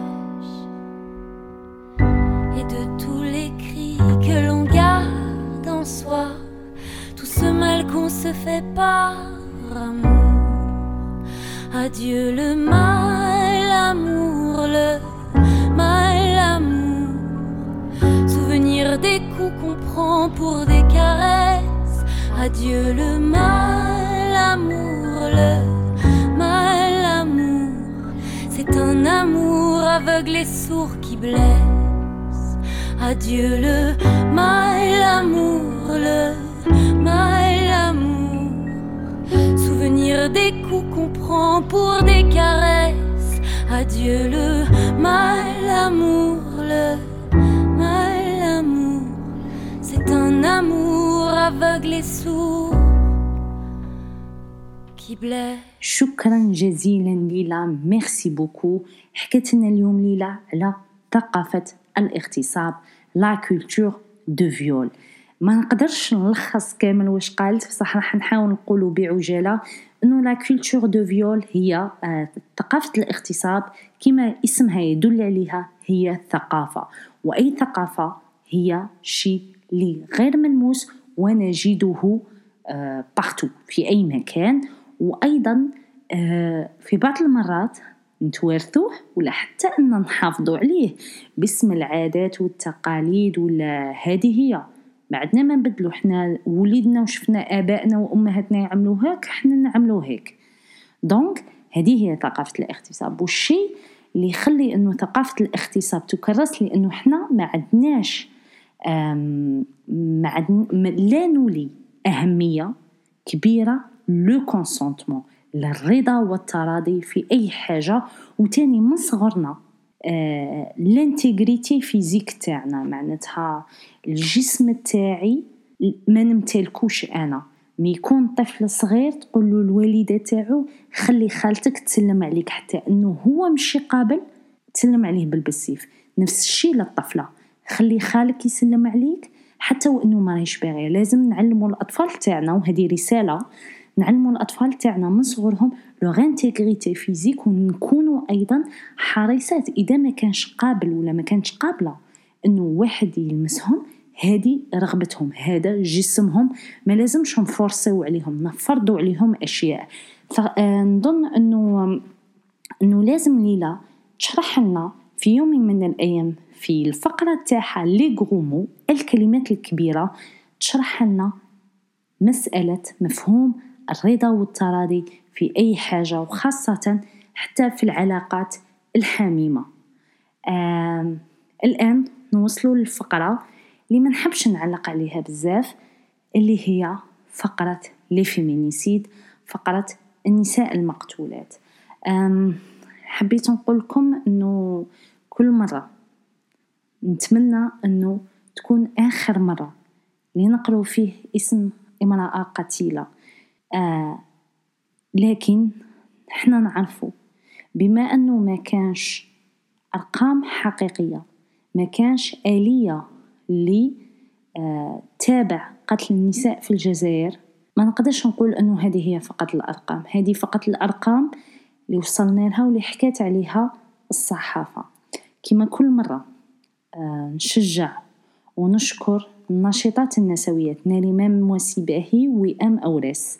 على كامل العمل اللي يشتغلوه في مسألة توثيق قتل النساء محاولة إعطاء قصة وإعطاء إيدونتيتي هوية لهذا النساء. مش يكونوا فقط نساء منسيات قتلن وضحايا للذكورية والأبوية قتلنا في صمت. وأيضا نشكر كما كل مرة كامل الجمعيات النسوية كامل المجموعات النسوية كامل الشخصات آه، نساء ورجال اللي حاولوا يشاركوا هذه المعلومات ويحاولوا يوعيوا الرأي العام باش يبينوا باللي كاين نساء راهم يتموت في صمت مطبق. في بعض الأحيان كاين ناس راهي تبرر للقاتل في حين لازم الضحية نكونوا معاها ونكونوا سوليدير متضامنين معاها ومع عائلتها ونوجهوا كامل أصابع الاتهام للقاتل لكن في بعض المرات رانا نقرأ تعليقات ونقولوا في أي مجتمع هذا. وين نحاولوا نبرروا القتل بالدين بالتقاليد بالشرف بربما مريض نفسي ربما غواه الشيطان تخونني العبارات. حبيت نقول لكم من 25 نوفمبر إلى 10 ديسمبر هي la campagne internationale de lutte contre les violences faites aux femmes et aux filles. آه، من 25 نوفمبر إلى 10 ديسمبر الحملة الدولية حملة 16 يوم من النشاطات ضد كامل أشكال العنف آه، للنساء والفتيات. كلمتنا راح تحاول تقدم محتوى خلال هاد الحملة العالمية إيه باش نقولوا للناس إنه إذا كان اليوم 25 نوفمبر هو اليوم العالمي آه، ضد كامل أشكال العنف على النساء والفتيات. إذا كان اليوم 10 ديسمبر هو اليوم العالمي لحقوق الإنسان و le fait de lier ces deux dates وربط هذان التاريخان بحملة تاع 16 يوم من أجل تنديد بالعنف هي طريقة باش نقولوا أنه النضال من أجل حقوق النساء. هو نضال من أجل حقوق الإنسان. نعلمكم بلي من فترة 25 نوفمبر إلى فترة 10 ديسمبر هي حملة 16 يوم من أجل العمل بنشاطات توعوية ضد كامل أشكال العنف المسلط على النساء والفتيات. كلمتنا راح تحاول تقدم محتوى. حاولوا تتابعوا الصفحة. حاولوا أنكم تشاركوا. حاولوا تحكوا على العنف لأنه الشيء اللي خلى أنه العنف يتفاقم. هو الصمت المطبق. كسوسوا الصمت المطبق تاع السلطات الصمت المطبق تاع المجتمع اللي مازالوا يقولوا إنه هذا عيب هذا حرام ستر مصدر الله. وتاني الصمت المطبق تاع الحلفاء تاع القضية تاعنا لكل مرة لما نطالبوا بالحقوق تاعنا والمساواة واش يقولوا لنا سوني با لو مومون ماشي وقت الحقوق كاين آه كاين آه كاين des priorités كاين أولويات واستراتيجيات كبيرة ودائما هذه الأولويات والاستراتيجيات تخلي النساء دائما على جنب ولا يذكرن. نعطيكم موعد يوم الأحد. ما نقدرش نقول لكم هذه المرة كل dimanche راح يكون في أيام الحملة العالمية ضد كامل أشكال العنف المسلط على النساء والفتيات. نتمنى أنكم تشاركوا الحملة معنا بقوة تشاركوا محتوى الصفحة ومحتوى أيضا كامل صفحة النسويات. كامل حنا معنيات ومعنيين بالنضال من أجل الدفاع عن حقوق النساء يعطيكم الصحة تلقاو الخير Le 9 novembre 2020, Alger. Nadia est poignardée par un membre de la famille à qui elle louait un magasin.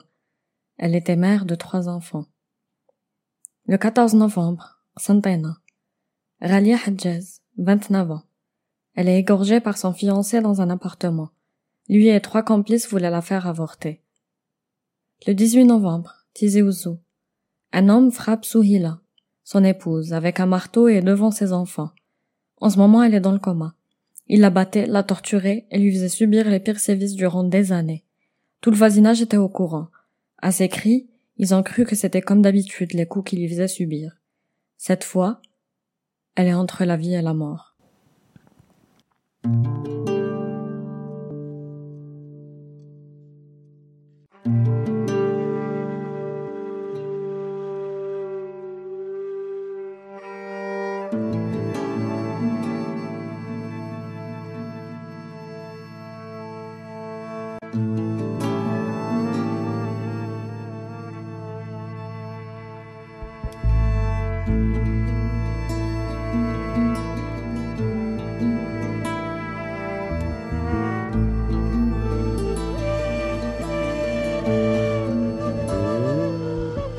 gosh, good.